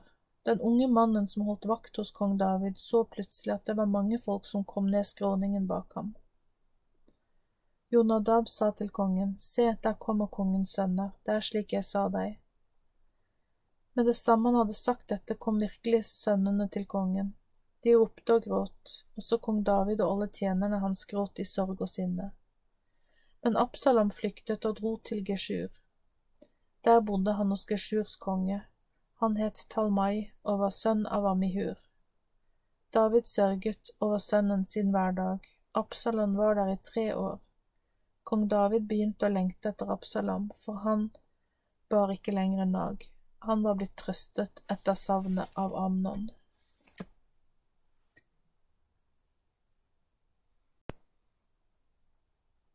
Andre Samuels bok 14 Absalom kommer tilbake til Jerusalem. Joab, Serujas sønn, forsto at kong David lengtet etter Absalom. Joab sendte bud etter en klok kvinne som bodde i Tekoa, og sa til henne, Lat som om du sørger, kle deg i sørgeklær og ikke bruk parfyme, men oppfør deg som en sørgende kvinne. Gå til kong David og si dette til ham. Så fortalte Joab henne hva hun skulle si. Da kvinnen fra Tekoa kom til kongen, falt hun med ansiktet sitt mot jorden. Hun hyllet kongen, og så sa hun, Hjelp, konge, da spurte kong David, Hva er det som plager deg? Hun svarte, Jeg er enke, min mann er død. Jeg hadde to sønner, men de sloss med hverandre ute på marken, og det var ingen der til å skille dem. Den ene slo den andre og drepte ham. Hele slekten har reist seg mot meg, for de sier, Ifra deg ham som slo broren sin, så vi kan ta livet av ham. Slik skal han straffes fordi han drepte broren. De vil utslette arvingene mine, men på denne måten kommer de til å slukke den lille livsgnisten jeg ennå har igjen. De lar ikke mannen min etterlate seg noe. Verken navnet hans eller barna hans skal finnes etter ham som en rest på jorden. Da sa kongen til kvinnen, dra hjem til huset ditt, og jeg skal gi en befaling om at ingen skal røre deg eller sønnen din. Kvinnen fra Tekoa sa til kongen, Min herre konge, jeg skjønner at familien min har gjort seg skyldige, og at slekten din må straffes for det. Det er jo ikke kongens feil, så jeg ber ikke om at kongen skal ta noe av denne skylden. Da sa kongen, uansett hvem som sier noe til deg, så kom hit til meg med ham. Da skal han ikke røre deg mer. Da sa hun, For Herren din Guds skyld, la ikke hevnen over et drap være et nytt drap. Det ødelegger bare enda mer når de også utsletter sønnen min. Han sa, Så sant Herren lever, skal ingen røre et hår på hodet til sønnen din. Derfor sa kvinnen, Kan jeg, din tjenerinne, få, få, en, få si enda et ord til min herre konge? Han sa at det kunne hun, og da sa kvinnen, Hvorfor har du da lagt slike planer mot Guds folk? Kongen gir meg råd, men er selv skyldig, siden kongen ikke lar den han har vist bort, komme hjem igjen. For vi skal alle dø, vi er som vann som helles ut på jorden og som ikke kan samles opp igjen. Likevel tar ikke Gud livet fra oss, men han legger planer slik at hans bortviste ikke skal bli støtt bort fra ham. Derfor har jeg nå kommet for å tale til min konge om denne saken, for folket har gjort meg redd. Jeg ville snakke med kongen, for det kunne jo hende at kongen ville hjelpe meg. Du ville nok høre på meg og hjelpe meg mot ham som vil ødelegge både meg og sønnen min, så vi ikke får det som Gud, Gud ville gi oss. Jeg har lært at kongen kan være til trøst, for min herre kongen er som en Guds engel når han dømmer mellom godt og ondt. Må Herren din Gud være med deg. Da sa kongen til kvinnen, Ikke skjul noe for meg, svar på det jeg spør deg om. Kvinnen sa, Bare spør. Så sa kongen, Står Joab bak dette, er du sendt av ham? Min herre konge, jeg vil ikke vri meg unna, men si det som det er. Din tjener Joab befalte meg å gå til deg. Han ba meg si dette til deg, men kongen er klok som en Guds engel. Han viser klokskap og visdom fra Herren selv, han som kjenner til alt som skjer på jorden. Kongen sa til Joab, Se, jeg har gått med på dette, gå og hent den unge mannen Absalon tilbake. Da bøyde Joab seg og knelte dypt for kongen. Han hyllet og velsignet kongen og sa, I dag forstår jeg, tjeneren din, at du viser meg nåde, min herre konge, ved at du vil handle etter de ord som jeg sendte til deg ved hjelp av denne kvinnen. Så sto Joab opp og dro til Geshur og hentet Absalom hjem til Jerusalem. Kongen sa, La ham komme tilbake til sitt eget hus, men jeg vil ikke møte ham ansikt til ansikt. Absalom kom tilbake til sitt eget hus, men han fikk ikke møte faren sin, kong David. David tilgir Absalom. I hele Israel var det ingen som fikk så mye skryt som Absalom. Han var dessuten en vakker mann. Fra isse til fotsåle fantes det ikke noen feil på ham. Når han klippet håret på hodet, ved slutten av hvert år klippet han det, for det ble altfor tungt for ham. Veide det avklippede håret to kilo, etter kongens vekt. Absalom fikk tre sønner og en datter. Hun fikk navnet Tamar. Hun ble en veldig vakker kvinne. Absalom bodde to år i Jerusalem uten at han fikk møte kongen ansikt til ansikt. Derfor sendte Absalom bud på Joab for å få ham til å gå til kongen, men Joab ville ikke komme til ham. Da han sendte bud for andre gang, ville han ikke komme da heller. Da sa han til tjenerne sine, Se, åkeren til Joab er like ved siden av min. Han lar det vokse bygg der. Gå og sett fyr på den. Og Absaloms tjenere satte fyr på åkeren. Da dro Joab bort til Absaloms hus, og han spurte, Hvorfor har tjenerne dine satt fyr på åkeren min? Absalom svarte, Jeg sendte bud på deg fordi jeg ville at du skulle gå til kongen for meg. Du skulle spørre ham hvorfor han lot meg komme tilbake fra Geshur hvis han likevel ikke ville, ikke ville se meg. Det hadde vært bedre for meg å være der fortsatt. Jeg vil møte kongen. Hvis han fortsatt synes jeg er så kriminell at han ikke vil møte meg, så får han heller la meg dø. Joab gikk til kongen og fortalte ham dette. Kong David sendte bud på Absalom. Han kom og bøyde seg for ham med ansiktet mot jorden. Så kysset kongen ham.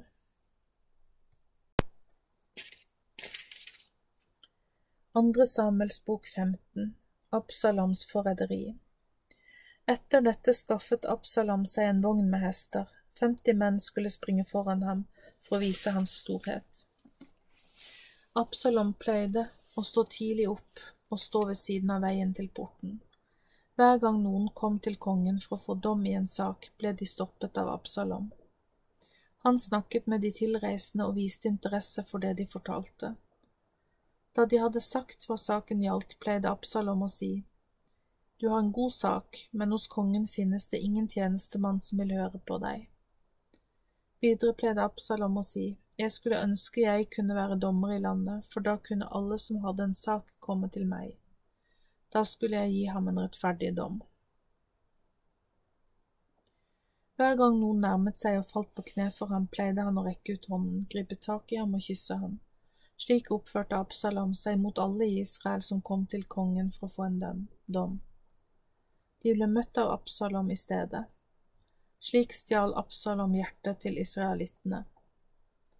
Etter 40 år sa Absalom til kongen, La meg dra til Hebron og innfri et løfte jeg ga til Herren da jeg bodde i Geshur i Syria. Jeg sa da til Herren at hvis han virkelig førte meg tilbake til Jerusalem, så ville jeg tjene ham. Kongen sa til ham, Reis du. Så dro Absalom til Hebron. Absalom sendte noen budbringere til alle Israels stammer. De skulle si, Med det samme dere hører lyden av basunen, skal dere si at Absalom er konge i Hebron. Absalom hadde invitert med seg 200 menn fra Jerusalem. De ble med ham i god tro, for de visste ikke noe om planen hans.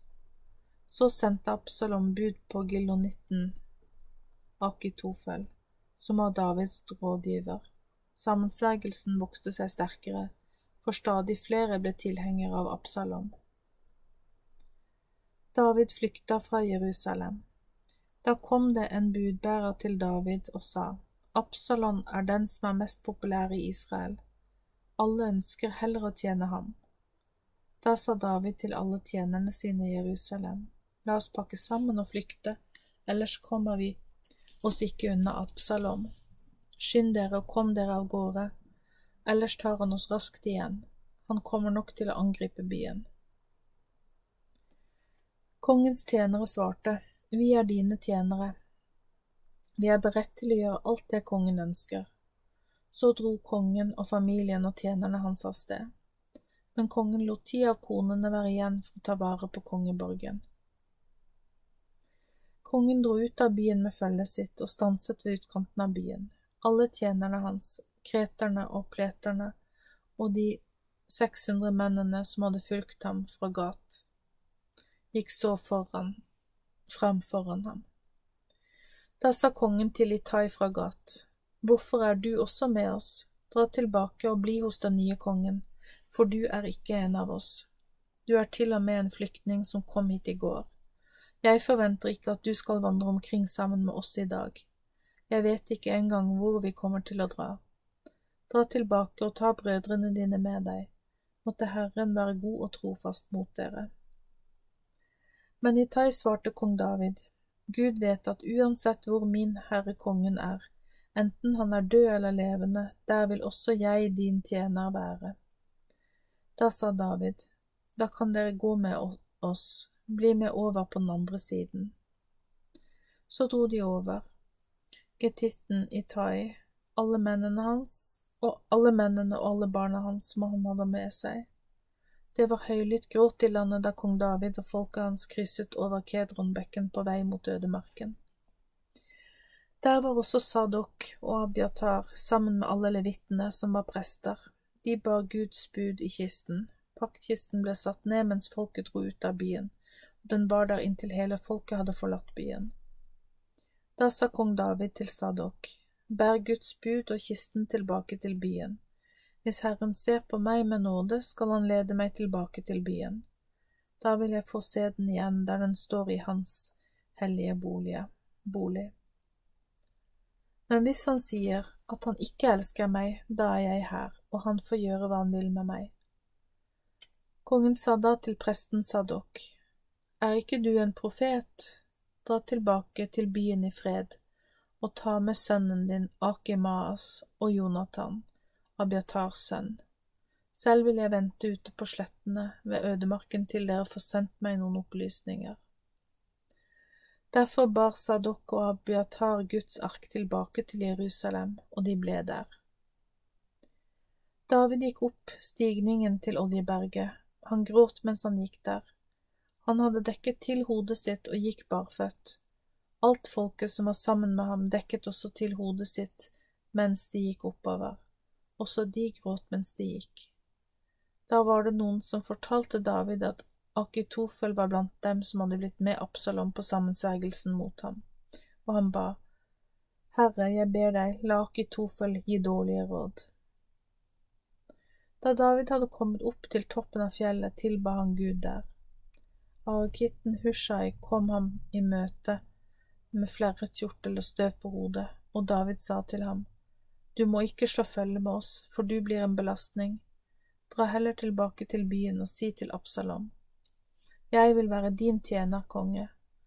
På samme måten som jeg før var din fars tjener, vil jeg nå være din tjener. Da kan du kanskje synliggjøre at Akitofels råd er dårlige. Prestene Sadok og Abiatar er med deg der. Derfor skal du la alt du hører fra kongens hus bli fortalt til prestene Sadduk og Abiatar. Med dem skal dere sende melding til meg om alt dere hører. Så gikk Hushai, Davids venn, inn i Jerusalem på samme tid som Absalom dro inn i byen.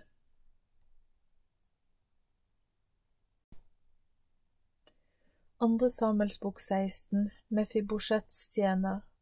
Da David hadde kommet litt forbi toppen av fjellet, var Siba der, Mefibosjets tjener. Han kom ham i møte med et par esler. De var lastet med 200 brød, 100 klasser rosiner, 100 sommerfrukter og en skinnsekk full av vin. Kongen spurte Siba, Hva har du tenkt å gjøre med dette? Da sa Siba, Eslene skal kongen og familien hans ri på, brødet og sommerfruktene er mat til kongens unge menn. Vinen er til dem som blir slitne i ødemarken, de skal få drikke den. Da sa kongen, Hvor er Mefibosjet? Siba sa til kongen, Han ble værende i Jerusalem, han mente han ville få kongedømmet fra til faren på tilbake. Da sa kongen til Shiba, Du skal få alt som tilhører Mefibosjet. Siba sa, Jeg bøyer meg i ydmykhet for deg siden du lar meg finne nåde for dine øyne, min herre konge. Shimi forbanna David. Da kong David kom til Bakurim, var det en mann fra Sauls slekt der. Hans navn var Shimi, og han var Geras sønn. Han kom gående ut fra Bakurim og bannet hele veien. Han kastet steiner på David og tjenerne hans, og, gjorde, og det gjorde han mens hæren og alle krigerne gikk ved den høyre og venstre siden hans. Shimi forbannet David idet han sa til ham, Dra ut, Dra ut, du blodtørstige mann, du onde mann. Herren har latt alt blodet fra Sauls hus komme over deg, for du ble konge i stedet for ham. Herren har gitt kongedømmet til sønnen din Absalom. Du er fanget i e din egen ondskap fordi du er en blodtørstig mann. Da sa Abishai, Seruyas sønn, til kongen, Hvorfor lar du den døde hunden forbanne deg slik, herre konge? La meg få hogge hodet av ham. Men kongen svarte, Min egen sønn prøver jo å ta livet mitt. Hvor mye mer vil ikke da denne benjaminitten gjøre det? La ham være i fred, og bare la ham forbanne, for dette har Herren befalt ham. Kanskje Herren vil se til meg i min nød, og at han vil la det gå godt med meg. Det er ikke sikkert denne forbannelsen vil ha noen virkning. Shimi gikk langs åssiden og fortsatte å komme med forbannelser over David. Han kastet steiner og sparket opp støv over ham. Kongen og alt folket som var sammen med ham, var veldig trette da de kom fram til Jordan. De hvilte seg der og fikk nye krefter. Akitofels råd I mellomtiden kom Absalom og mennene hans til Jerusalem. Han hadde støtte i Israels folk. Akitofel var med ham. Da arkitten Hushai, Davids venn, kom til Absalom, sa han til Absalom, Leve kongen, leve kongen. Da sa Absalom til Hushai, Er dette den vennligheten du viser vennen din, kong David? Hvorfor dro du ikke av sted med ham? Hushai svarte Absalom, Nei, den som Herren og folket og alle Israels menn selv velger til konge, han vil jeg tilhøre og tjene. Hos ham vil jeg bli. Som jeg har tjent hos faren din, slik vil jeg også tjene deg. Da sa Absalom til Akitofel, dere må gi råd om hva vi skal gjøre. Akitofel sa til Absalom, Gå inn til konene til faren din. Han lot noen bli igjen for å ta vare på huset. Når hele Israel får høre at David avskyr deg, vil alle dem som er med deg, bare støtte deg enda mer. Så slo de opp et telt for Absalom på taket av huset. Absalom lå med konene til faren rett for øynene på hele Israels folk. Akitofel hadde stor tillit blant folk. Et råd fra ham var som et råd fra Gud selv. Slik ble alle råd fra Akitofel ansett både hos David og hos Absalom. Andre Samuels bok 17 Da sa Akitofel til Absalom, La meg få velge ut tolv tusen menn og dra ut for å ta David i natt. Jeg vil komme over ham mens han er trett og svak og gjøre ham redd. Folket som er med ham vil flykte, og jeg skal slå kongen. Jeg skal bare ta ham og føre folket tilbake til deg. Når alle er kommet tilbake, bortsett fra kong David, skal hele folket leve i fred. Både Absalom og alle de eldste i Israel syntes dette var et godt råd.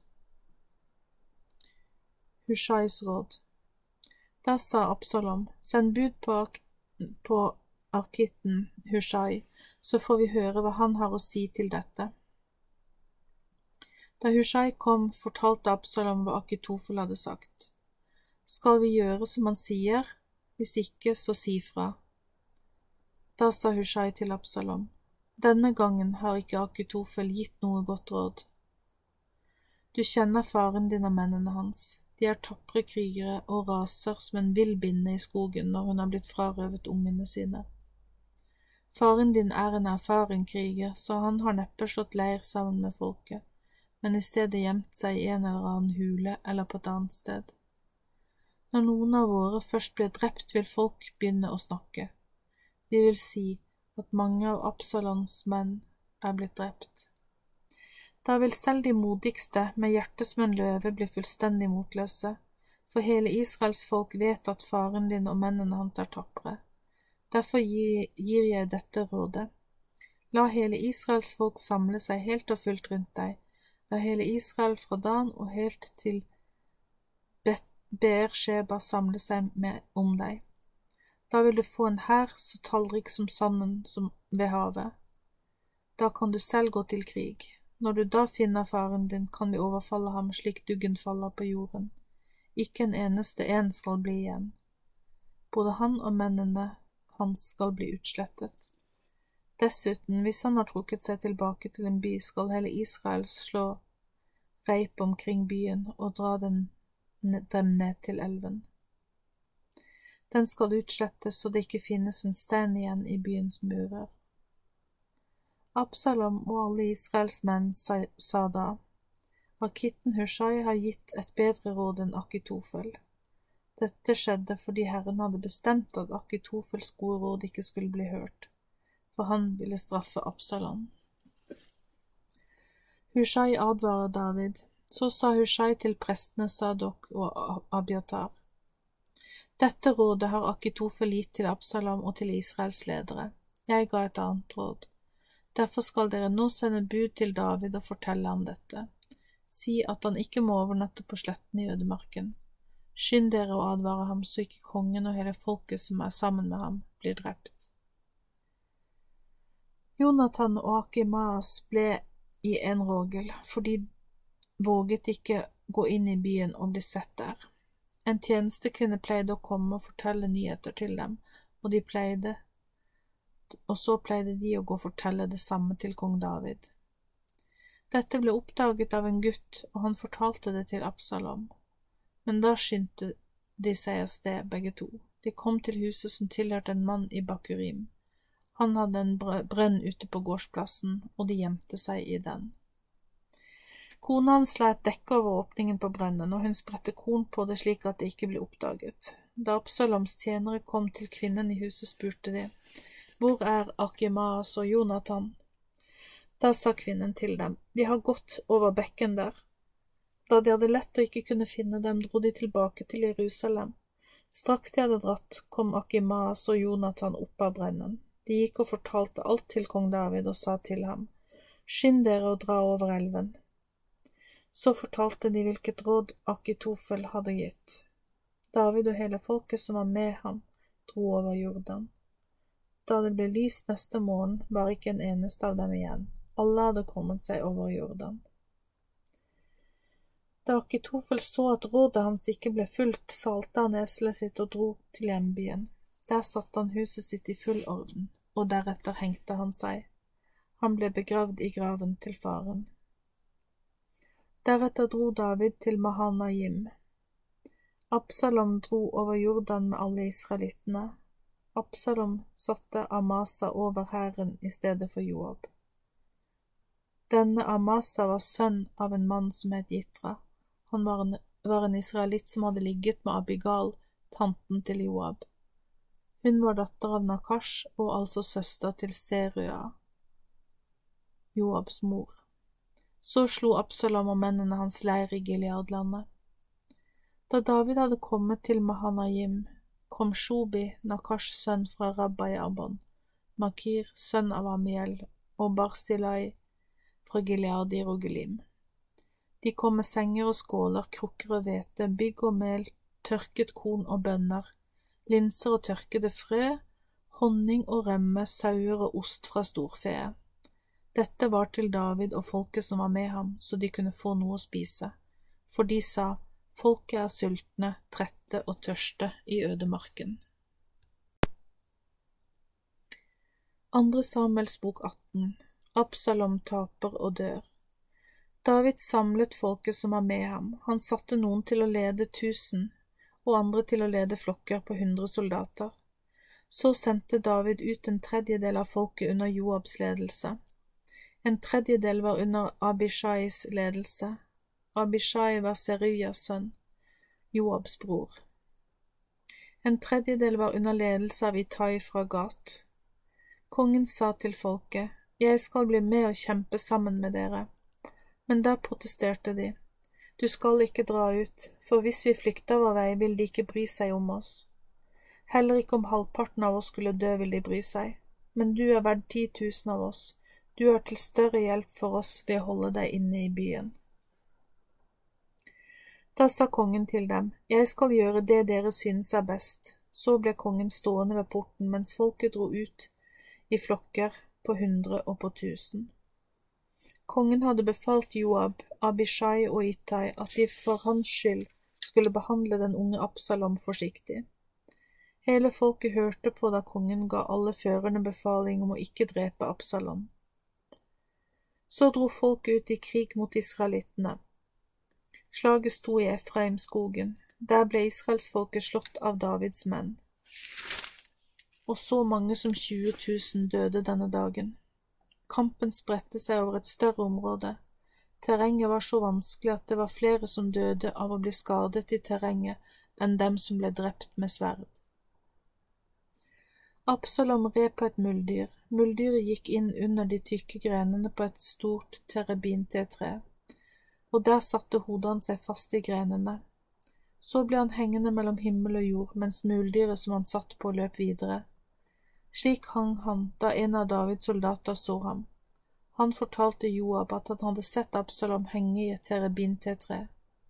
Til det sa Joab, Hva, har du akkurat sett Absalom, hvorfor slo du ham ikke ned der og da? Jeg skulle da ha belønnet deg med hundre gram sølv og et belte. Men mannen sa til Joab, selv om jeg hadde fått hundre kilo sølv, ville jeg ikke ha skadet kongens sønn. Vi hørte jo på at kongen befalte deg, Abishai og Ittai, at dere skulle passe på at ingen rørte den unge Absalom. Jeg hadde ikke samvittighet til å være ulydig mot kongen, ingenting blir heller skjult for kongen, og du ville selv ha gått imot meg. Da sa Joab, jeg kan ikke bli stående her og vente på deg. Han gikk bort til treet der han hang. Joab hadde tre kastespyd i hånden, og dem stakk han gjennom hjertet på Absalom mens han fremdeles hang levende midt i terabintetreet. Ti av de unge soldatene til Joab omringet Absalom og angrep ham. Slik forsikret de seg om at han virkelig var død.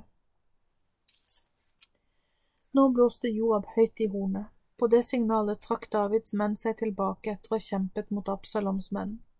Absalom ble kastet i en stor grøft i skogen og dekket til med en stor steinhaug. Israels soldater la på flukt, og de dro hjem til teltene sine. Mens Absalom levde, hadde han reist en støtte til minne om seg selv, den sto i Kongedalen.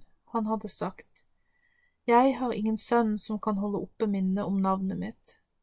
Han oppkalte støtten etter seg selv, og til denne dag kalles det Absaloms minnestøtte. David får høre om Absaloms død. Så sa Akimaas, Sadoks sønn, La meg nå løpe av sted og bringe nyheten til kongen om hvordan Herren har gitt ham hevn over fiendene. Joab svarte, Du skal ikke gå med nyheten i dag, du skal få gå med nyheten en annen dag, for i dag er kongens sønn død. Men så sa Joab til en mann fra Kurs, Gå og fortell kongen hva du har sett. Lydig sprang han av sted. Akimaas, Sadoks sønn, snakket til Joab igjen. Kan ikke jeg også få løpe etter kushitten? Da sa Joab, Hvorfor vil du løpe når du ikke har noen nyhet å fortelle? Han svarte, Uansett kan jeg ikke bare få løpe av sted. Da sa Joab, Løp, da. Så løp Akimaas langs veien over sletten og forbi kushitten. David satt ventende mellom de to portene. Vaktmannen gikk opp på taket over porten. Han så opp og fikk øye på en mann som kom løpende alene. Da ropte vaktmannen og fortalte det til kongen. Kongen sa, hvis han er alene, kommer han med, kommer han med nyheter. Han nærmet seg raskt, så fikk vaktmannen se en annen mann som kom løpende, og vaktmannen ropte til portvakten. Det kommer en annen mann, også han løper alene. Kongen sa, han kommer også med nyheter. Så sa vaktmannen, den første som kommer ser ut som Akimaas, Sardoks sønn. Kongen sa, han er en god mann, han kommer nok med gode nyheter. Så ropte Akimaas og til kongen, fred, så bøyde han seg ned mot med ansiktet til jorden framfor kongen og sa, Lovet være Herren din Gud, som har latt deg seire over fiendene dine. Da spurte kongen, Går det bra med den unge mannen Absalom? Akimas svarte, Da Joab sendte meg av sted, så jeg et stort oppstyr, men jeg vet ikke hva det gjaldt. Kongen sa, Gå til side og bli stående her. Han ble stående ved siden av kong David. I det samme kom kushitten og sa, Jeg kommer med nyheter, min herre konge. Herren din Gud har i dag latt deg vinne seier over alle dem som var ute etter deg. Kongen spurte, Går det bra med den unge mannen Absalom? Da svarte kushitten, Måtte det gå like ille med alle dem som gjør opprør mot deg, og som er ute etter å skade deg, som med den unge mannen. Da ble kongen full av sorg, han gikk inn på rommet over porten og gråt. Mens han gikk, ropte han, Absalom, min sønn, Absalom, min sønn, min sønn, om bare jeg hadde vært død i stedet for deg. Å, Absalom.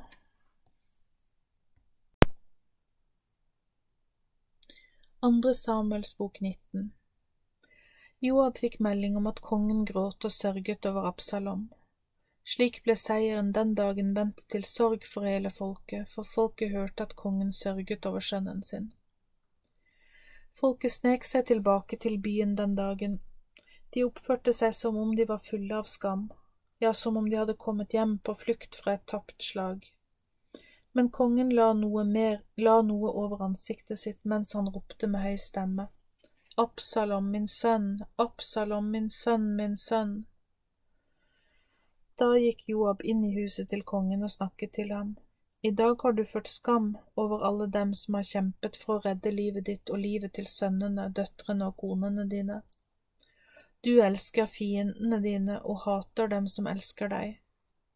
For i dag har du åpenlyst vist at du ikke bryr deg om dem som er rundt deg, enten de er mennesker av høy rang eller tjenerne dine. Jeg forstår nå at du heller skulle ønske at Absalom hadde vært i live, og at alle vi andre hadde vært døde i dag. Nå burde du stå opp og si det som er rett å si til mennene dine. Gjør du ikke det, så vil de alle forlate deg i dag. Det vil i så fall være det verste som noen gang har rammet deg. Det vil være verre enn alt annet.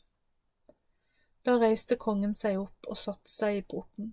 Hele folket fikk vite at kongen nå satt der, og alle kom ut av teltene sine, der de hadde gjemt seg, og samlet seg foran kongen. David vender tilbake til Jerusalem. Israels folk var uenige i hva de skulle gjøre nå. De sa, Kong David har reddet oss fra fiendene våre, han har reddet oss fra filisterne. Men så flyktet han fra landet på grunn av Absalom. Vi salvet Absalom og gjorde ham til konge, nå er han død, så hvorfor sier dere da ingenting om å få kong David tilbake? Kong David selv sendte prestene Sadok og Abiatar til lederen av Israels folk. Han ba prestene om å spørre folket hva de ventet på, og deretter si dette til dem. Budskapet om at mennene mine har seiret og at Absalom er død, har nådd helt fram til meg. Hvorfor er dere så trege til å be kongen om å komme tilbake? Dere er brødrene mine, vi er da av samme kjøtt og blod, så hva venter dere på? Og til Amasa ba han dem si, er ikke vi i slekt? Måtte Gud la meg lide både nå og senere dersom ikke du alltid skal være den øverstkommanderende for hæren, i stedet for Joab. Slik fikk han godvilje hos alle judeerne, og alle som en ønsket de ham tilbake. De sendte denne beskjeden til kongen, kom tilbake, du og alle tjenerne dine.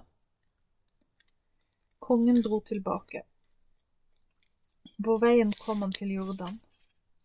Juda hadde kommet til Gilgal for å møte kongen og følge dem over Jordan. Shimi, Geras sønn, en benaminitt fra Bakurim, skyndte seg og ble med mennene fra Juda for å møte kong David. Sammen med ham var det tusen menn fra Benjamins stamme.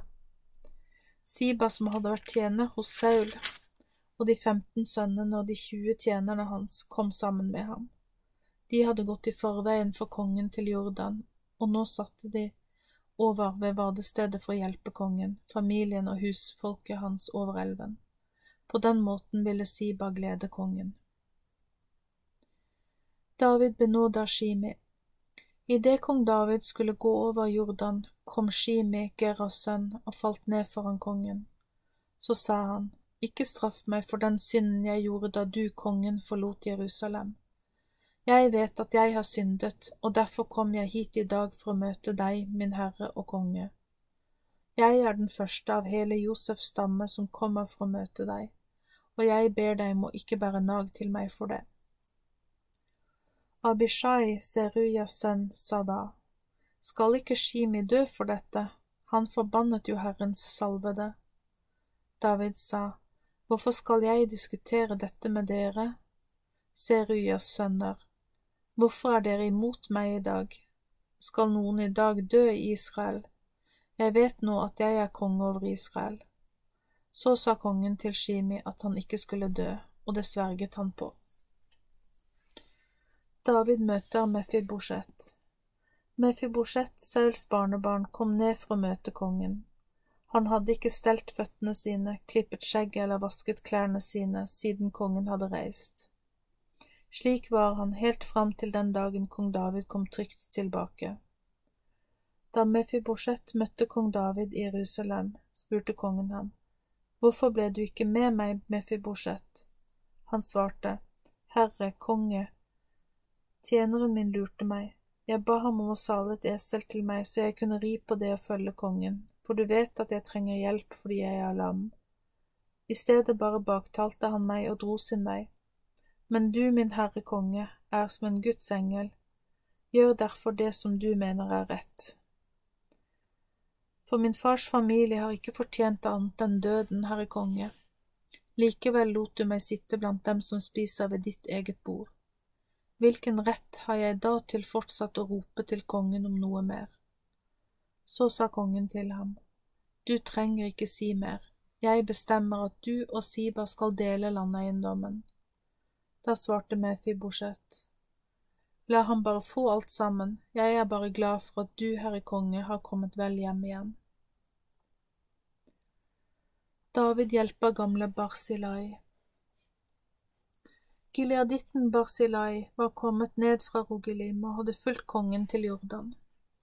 Barsilai var en meget gammel mann, for han var 80 år gammel. Han sørget for at kongen fikk det han trengte mens han var på flukt i Mahanayim. Han var nemlig veldig rik.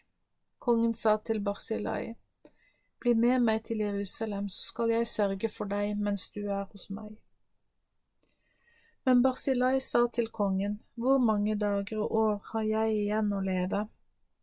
Jeg har ikke tid til å bli med kongen til Jerusalem, i dag er jeg 80 år. Kan jeg lenger skille mellom hva som er godt og dårlig, eller smake hva jeg spiser eller drikker? Kan jeg lenger høre røsten av menn og kvinner som synger? Nei, jeg kan ikke det, så hvorfor skulle jeg da være til byrde for deg, Herre konge? Jeg kan følge deg, konge, et lite stykke over Jordan.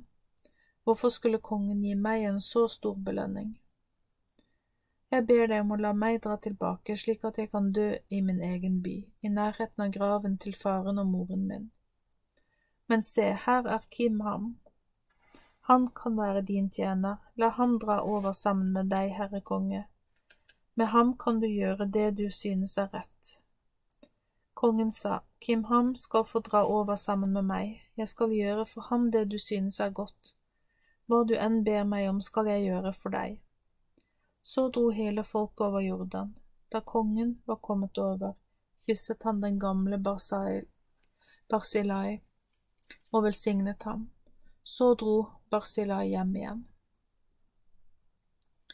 Hvem skal føre kongen tilbake? Kong David dro over til Gilgal, og Kimham gikk videre sammen med ham. Hele folket fra Juda fulgte med kongen, og det gjorde også halvparten av Israels folk. Men da kom alle mennene i Israel til kongen og spurte, Hvorfor har brødrene våre, mennene i Juda, stjålet deg, konge? Hvorfor ble du og familien din, tjenestefolkene og alle soldatene dine ført over på den andre siden av Jordan? Da svarte alle Judas menn og sa til Israel, Vi er med ham fordi kongen står oss nær. Hvorfor er dere så sinte på grunn av dette?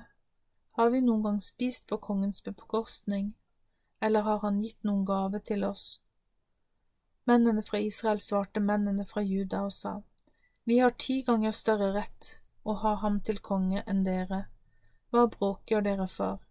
Var det ikke vi som først foreslo å få kongen vår tilbake? Mennene fra Juda var enda sintere enn mennene fra Israel.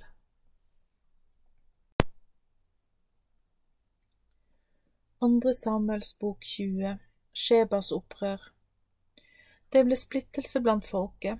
Sheba, Bikris sønn, var av Benjamins stamme. Han viste seg å være en ond mann. Han blåste i basunen og sa til israelittene, David er ikke en av oss, så da har ikke vi noe med ham å gjøre. La hver israelitt gå tilbake til teltene sine. Folket forlot David og fulgte Sheba, Bikris sønn. Men mennene fra Juda fulgte med kongen sin fra Jordan helt til Jerusalem. David kom hjem til huset sitt i Jerusalem. De ti konene som han hadde latt bli igjen for å ta vare på huset, lot han flytte inn i et bevoktet hus. Han lot dem få det de trengte, men han var ikke sammen med dem mer. Slik ble de holdt innestengt til de døde og levde som enker. Kongen sa til Amasa, Innen tre dager skal du samle sammen Judas menn her. Du skal også være til stede. Amasa gikk for å gjøre det, men han brukte lengre tid enn kongen hadde bedt ham om. David sa til Abishai, Nå kommer Sheba, Bikris sønn, og han vil gjøre oss mer ondt enn Absalom. Ta soldatene med deg og sett etter ham, bare han ikke får gjemt seg i noen befestede byer og slipper fra oss. Joabs menn tok med seg kreterne og pleterne, alle krigerne dro nå ut fra Jerusalem for å forfølge Sheba. Da de var like ved den store steinen i Gibeon, kom Amasa imot dem. Joab var kledd i en rustning med et belte og et sverd festet i sliren ved hoften. Da han gikk fram mot Amasa, tok han sverdet ut. Da sa Joab til Amasa, Kommer du med fredelige hensikter? Joab tok Amasa ved skjegget med høyre hånd for å kysse ham. Men Amasa la ikke merke til sverdet som Joab hadde i hånden, og Joab stakk ham i magen så innvollene hans veltet ut på jorden. Slik døde han. Joab og broren hans, Abishai, reiste videre for å forfølge Sheba. I mellomtiden ble en av Joabs menn stående i nærheten av Amasas døde kropp. Mannen sa, Den som går med Joab, er på Davids side, følg Joab. Siden folk stoppet opp for å se på Amasa der han lå i sitt eget blod midt på landeveien, flyttet han Amasa bort på et jorde og kastet et klesplagg, over ham. Da han var blitt flyttet bort fra landeveien, gikk folket videre sammen med Joab for å forfølge Sheba, Bikris sønn. Joab og mennene reiste gjennom alle Israels stammer. Alle mennene i Bikri-slekten samlet seg og fulgte etter Sheba, og da de kom til Abel Metmaaka, fant de ham der, forskanset innenfor bymuren. Hele hæren som var sammen med Joab, kom og beleiret Sheba i Abel Betmaaka, og de kastet opp en jordvoll som nådde helt bort til den ytre bymuren. Så hamret de løs på muren for å få revet den ned.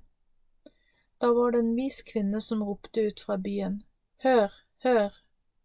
Si til Joab at han skal komme nærmere så jeg kan få snakke med ham. Da han hadde kommet bort til henne, sa hun, Er du Joab? Han svarte at det var han, og da sa hun til ham, Hør hva jeg har å si. I tidligere tider pleide folk å søke råd i Abel for å få slutt på uenighet. Jeg er fredelig og trofast, så hvorfor forsøker du å ødelegge byen og meg en av Israels kvinner. Denne byen er jo også en del av det landet som Herren har gitt oss, så hvorfor vil du utslette den? Joab svarte, Jeg er slett ikke ute etter å utslette eller ødelegge, men jeg er på jakt etter en mann fra Efraimsfjelland, en som heter Sheba. Han er Bikris sønn. Denne mannen har truet kongen vår, David, bare jeg får mannen, så skal jeg forlate byen, send ham ut til meg. Da sa kvinnen til Joab, vi skal kaste hodet hans utover muren til deg. Så snakket kvinnen med folket. Hun ga dem kloke, det kloke rådet, og dermed hogg de hodet av Sheba og kastet det ut til Joab. Da blåste han i basunen, og Herren trakk, trakk seg tilbake fra byen. Alle dro hjem til seg selv. Joab dro så tilbake til kong David i Jerusalem. Davids fremste tjenestemenn. Joab fikk ansvar over hele Israels hær. Beinaya, Jojadas sønn, ble satt over kreterne og pleterne. Adoram hadde tilsyn med pliktarbeidet. Joshafat, Akiluds sønn, var historieskriver.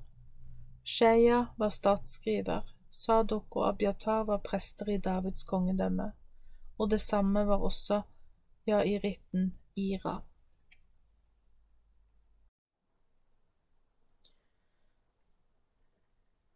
Andre Samuels bok 21 David tar hevn for gibeonittene. På Davids tid var det en gang hungersnød i hele tre år. David spurte Herren om råd, og Herren svarte. Det hviler blodskyld på Saul og hans hus fordi han drepte folk i Gibeon.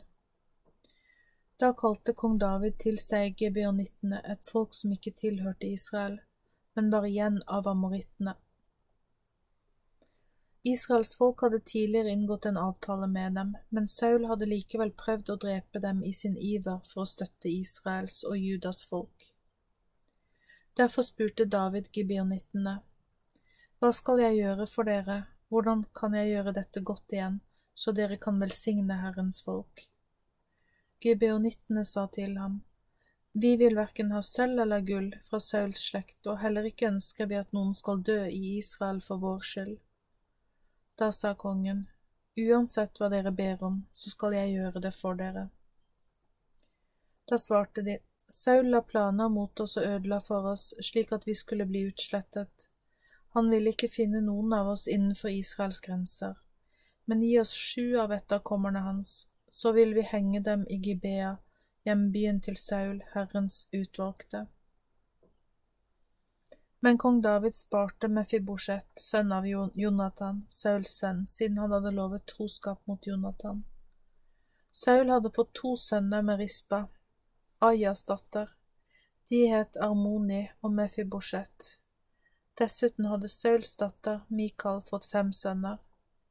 David ga disse sju mennene til gibeonittene, og de hengte dem på høyden. De ble drept i de første dagene av høsttiden i begynnelsen av bygghøsten. Rispa var mor til to av de døde. Hun kledde seg i sørgeklær og holdt seg i nærheten av likene fra begynnelsen av høsten til senregnet øste ned over dem fra himmelen. Hun lot ikke fuglene under himmelen få gå løs på de døde om dagen, og ingen dyr fikk gå løs på dem om natten heller. Det ble fortalt til David at Rispa, datter av Aya, Sauls enke, hadde, hadde passet passet slik på de døde. Da dro David av sted og hentet knoklene av Saul og sønnene hans, Jonathan.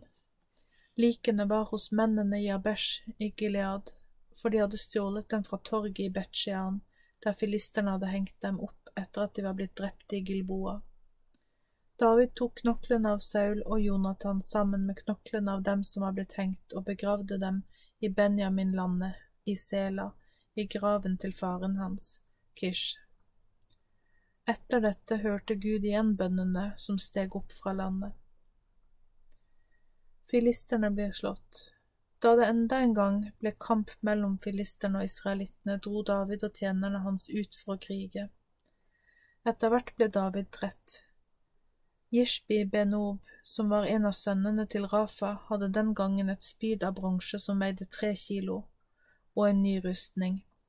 Han trodde at han skulle få drept David, men Abishai, Seruyas sønn, hjalp kong David og drepte filisteren. Da sørget Davids menn på at David aldri mer skulle dra ut i krig. De ville ikke risikere at Herrens salvede konge skulle bli drept.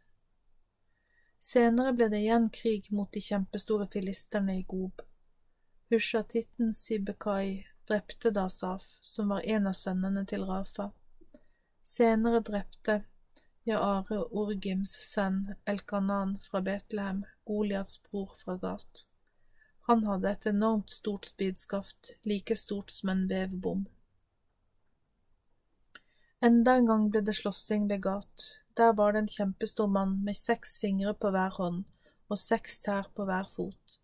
Han var også sønn av Rafa. Da han slengte ut skjellsord mot Israel, ble han drept av Davids nevø Jonathan. Han var sønn av Shima, Davids bror. Disse fire store mennene var barn av Rafa i Gat, og de ble drept av mennene til David. Andre Samuels bok 22 Lovprisning for Guds redning Den dagen befri Herren befridde ham fra alle fiendene hans og fra Sauls fiender, sang David denne sangen for Herren. Herren kan jeg stole på, han er min trygge beskytter og redningsmann. Han er den Gud jeg går til, og han er min beskytter og min styrke. Hos ham finner jeg trygghet, derfor kan jeg flykte til ham. Han er min redningsmann som redder meg fra vold. Jeg vil be til Herren, han er verd å bli priset. Da ble jeg befridd fra mine fiender. Dødsfarlige bølger kom mot meg, jeg ble skremt av all den ondskap og mangel på Guds respekt som slo imot meg. Dødsrikets bånd strammet seg rundt meg, jeg ble truet av dødens feller.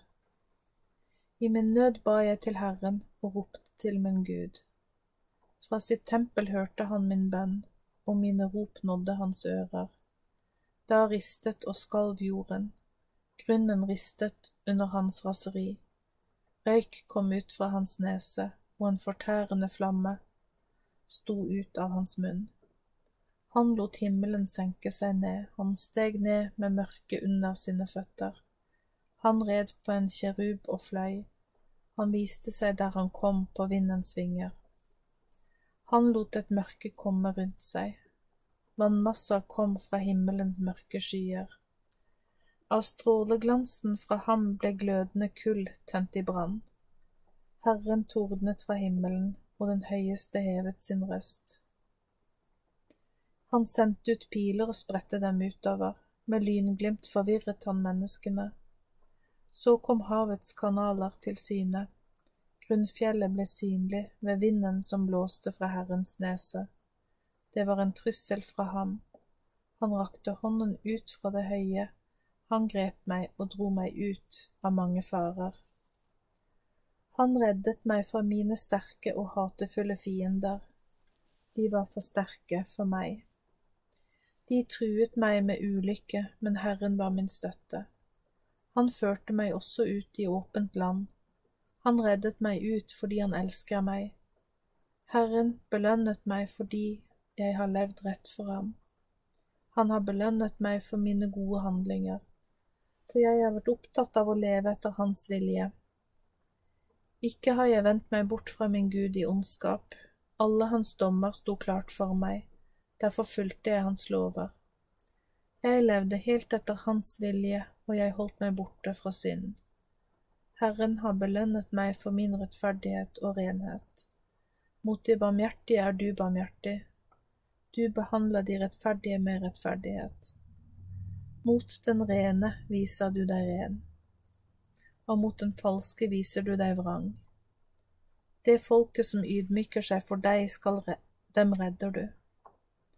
Du lar de stolte mislykkes, du ser på dem som tror de er sterke i seg selv, og ydmyker dem. For du er mitt lys, Herre, du tenner lyset i mitt mørke, for med deg kan jeg løpe ut mot en hær i krig. Med min Gud kan jeg hoppe over høye murer, Guds vei er fullkommen, Herrens ord er rent.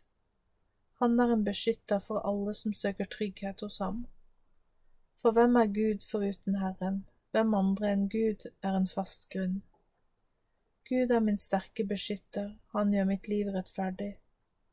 Han gir mine føtter spenst som en hjort. Han løfter meg opp av høyder, han lærer mine hender opp til kamp så en bue av bronse kan spennes av mine armer.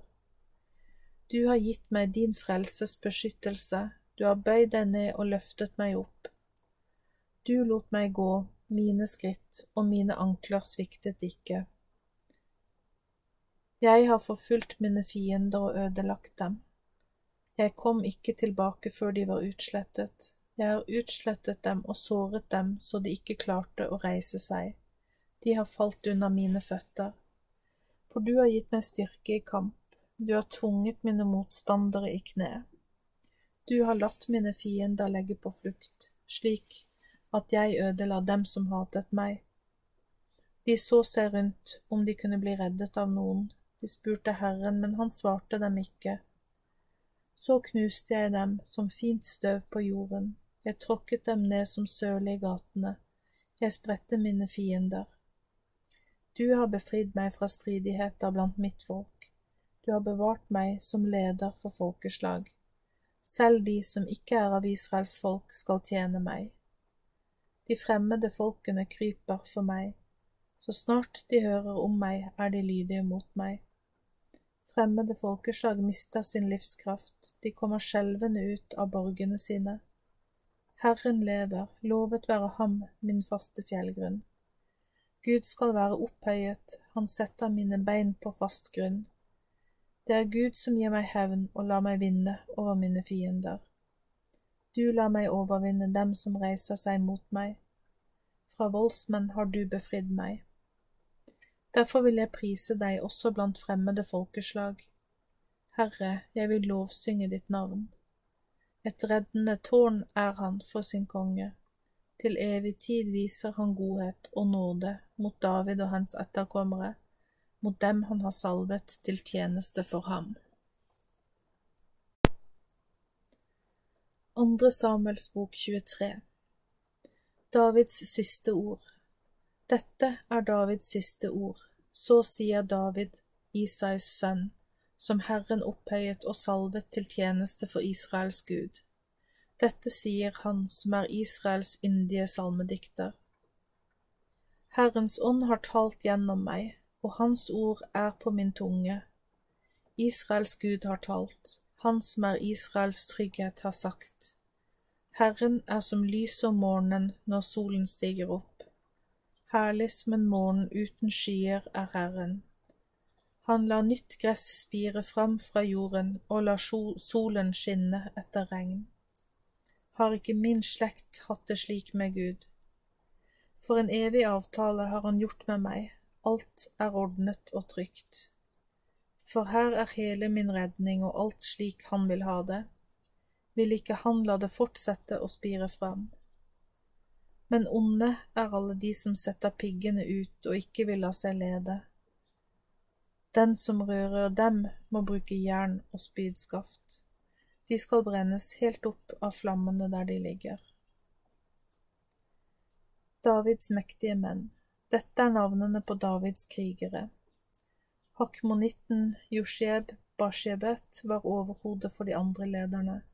Han ble kalt S19 av Dino, for han hadde drept 800 menn på en gang.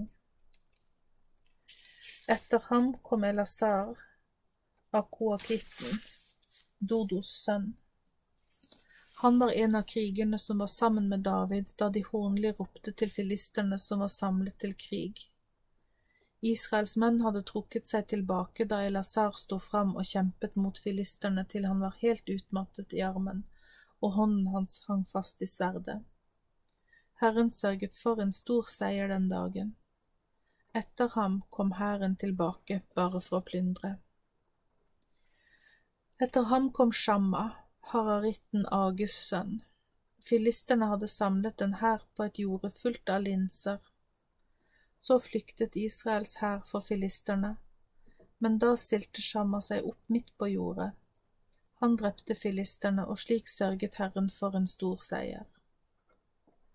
En gang ved høsttiden kom tre av de tretten av Davids ledere ned til David i hulen ved Adulam. Filisternes hær lå da i leir i Refaimdalen. En gang David var i borgen og filisternes vaktstyrke var i Betlehem, ble David grepet av en sterk lengsel og sa, Hvem kan la meg få drikke vann av Betlehemskilden, den som er ved porten? Da kjempet de tre krigerne seg gjennom filisternes leir, øste opp vann fra Betlehemskilden, den som var ved porten, og tok det med til David. Likevel ville han ikke drikke det, men øste det ut for Herren. Han sa, Herren, fri meg fra å drikke dette vannet som ble hentet med fare for mine menns liv. Derfor ville han ikke drikke det. Denne modige handling gjorde de tre krigerne. Abishai, Joabs bror, Seruyas sønn, var overhodet for de tre andre. Han hadde drept 300 menn med spydet sitt og på den måten fått seg et stort navn, og derfor, og derfor ble han føreren deres. Men han var ikke like dyktig som de tre. Beinaya Jojadas sønn var en mektig mann. Han var fra Kabseel, og han hadde utført mye stort. Han hadde drept de to sønnene til Ariel fra Moab, og på en dag det hadde snødd, hadde han også gått ned i en brønn og drept en løve. Han drepte også en uvanlig stor egypter. Egypteren hadde et spyd i hånden. Men Beinaya gikk ned til ham med en stav, rev spydet ut av hånden på egypteren og drepte ham med hans eget spyd. Alt dette gjorde Beinaya, Jojadas sønn, og derfor fikk han et stort navn blant de tre krigerne. Han fikk større ære enn de andre 30 lederne David hadde, men han nådde ikke opp til de tre som pekte seg ut. David satte ham som leder over livvaktene sine. Asael, Joabs bror, var en av de 30 lederne under David. Dette var de øvrige lederne.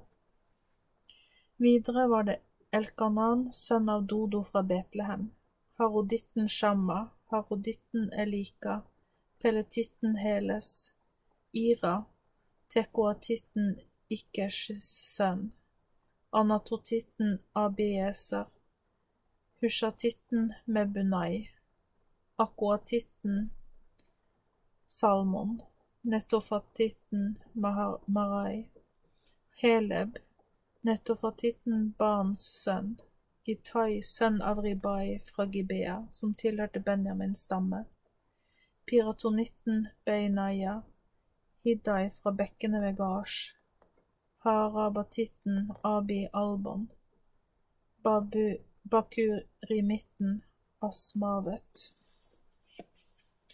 Shah albonitten Elkiaba, Jonathan, en av sønnene til Yashen, Haratitten Shamma, Akiam, Haratitten Sharars sønn, Elifelet ma Akatitten Ashabais sønn, Eliam, Gilonitten Akitofels sønn, Karmelitten Hesrai, Arabitten Paarai, Gigal, sønn av Natan fra Soba, Gaditten Bani, ammonitten Selek, beerotitten Nakrai, våpensveinen til Joab, Serujas sønn, jatiritten Ira, jatiritten Gareb og hetitten Uria. Til sammen var de 37 ledende krigere.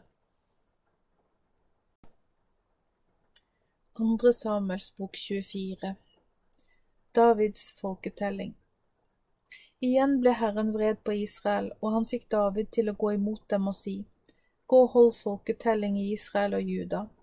Så sa kongen til Joab, øverstkommanderende for hæren, Gå nå omkring til alle Israels stammer, fra Dan til Beer Sheba. Tell folket, så jeg kan få vite hvor mange de er. Men Joab sa til kong David, Måtte Herren din Gud gjøre folket større, måtte det bli hundre ganger større enn det er. Måtte du, Herre konge, få se det med dine egne øyne. Men hvorfor ønsker min Herre kongen å telle folket?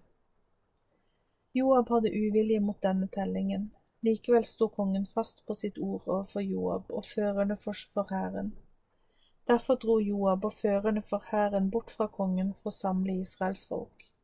De dro over Jordan og slo leir i Aroer sør for byen som ligger midt i Gadkløften, og videre mot Jaser. Så kom de til Gilead og til landet Tatim Hodshi. De kom til Dan Jaan og rundt til Sidon og til festningen i Tyros.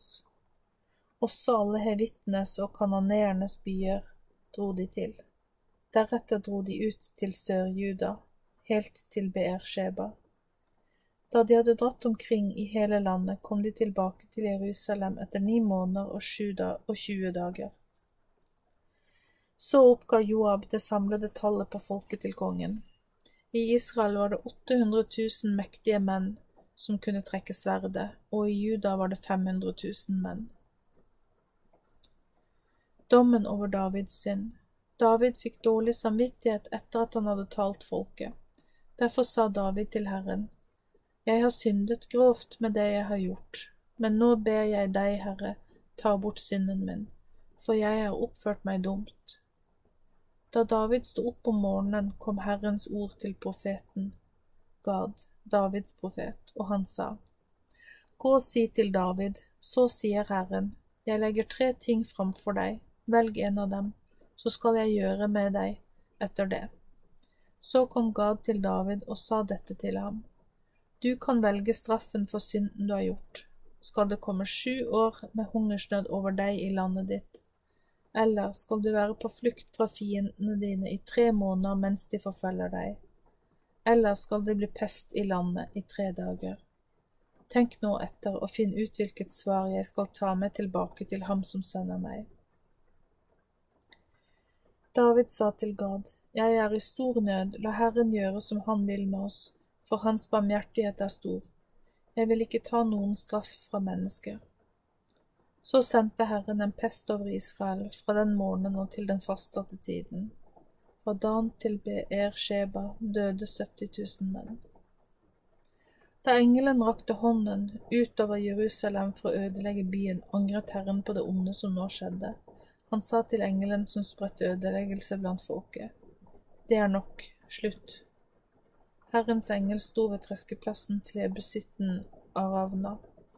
Da David så engelen som slo folket i hjel, sa han til Herren, Jeg har syndet, og jeg har gjort det som er ondt, men hva har folket mitt gjort?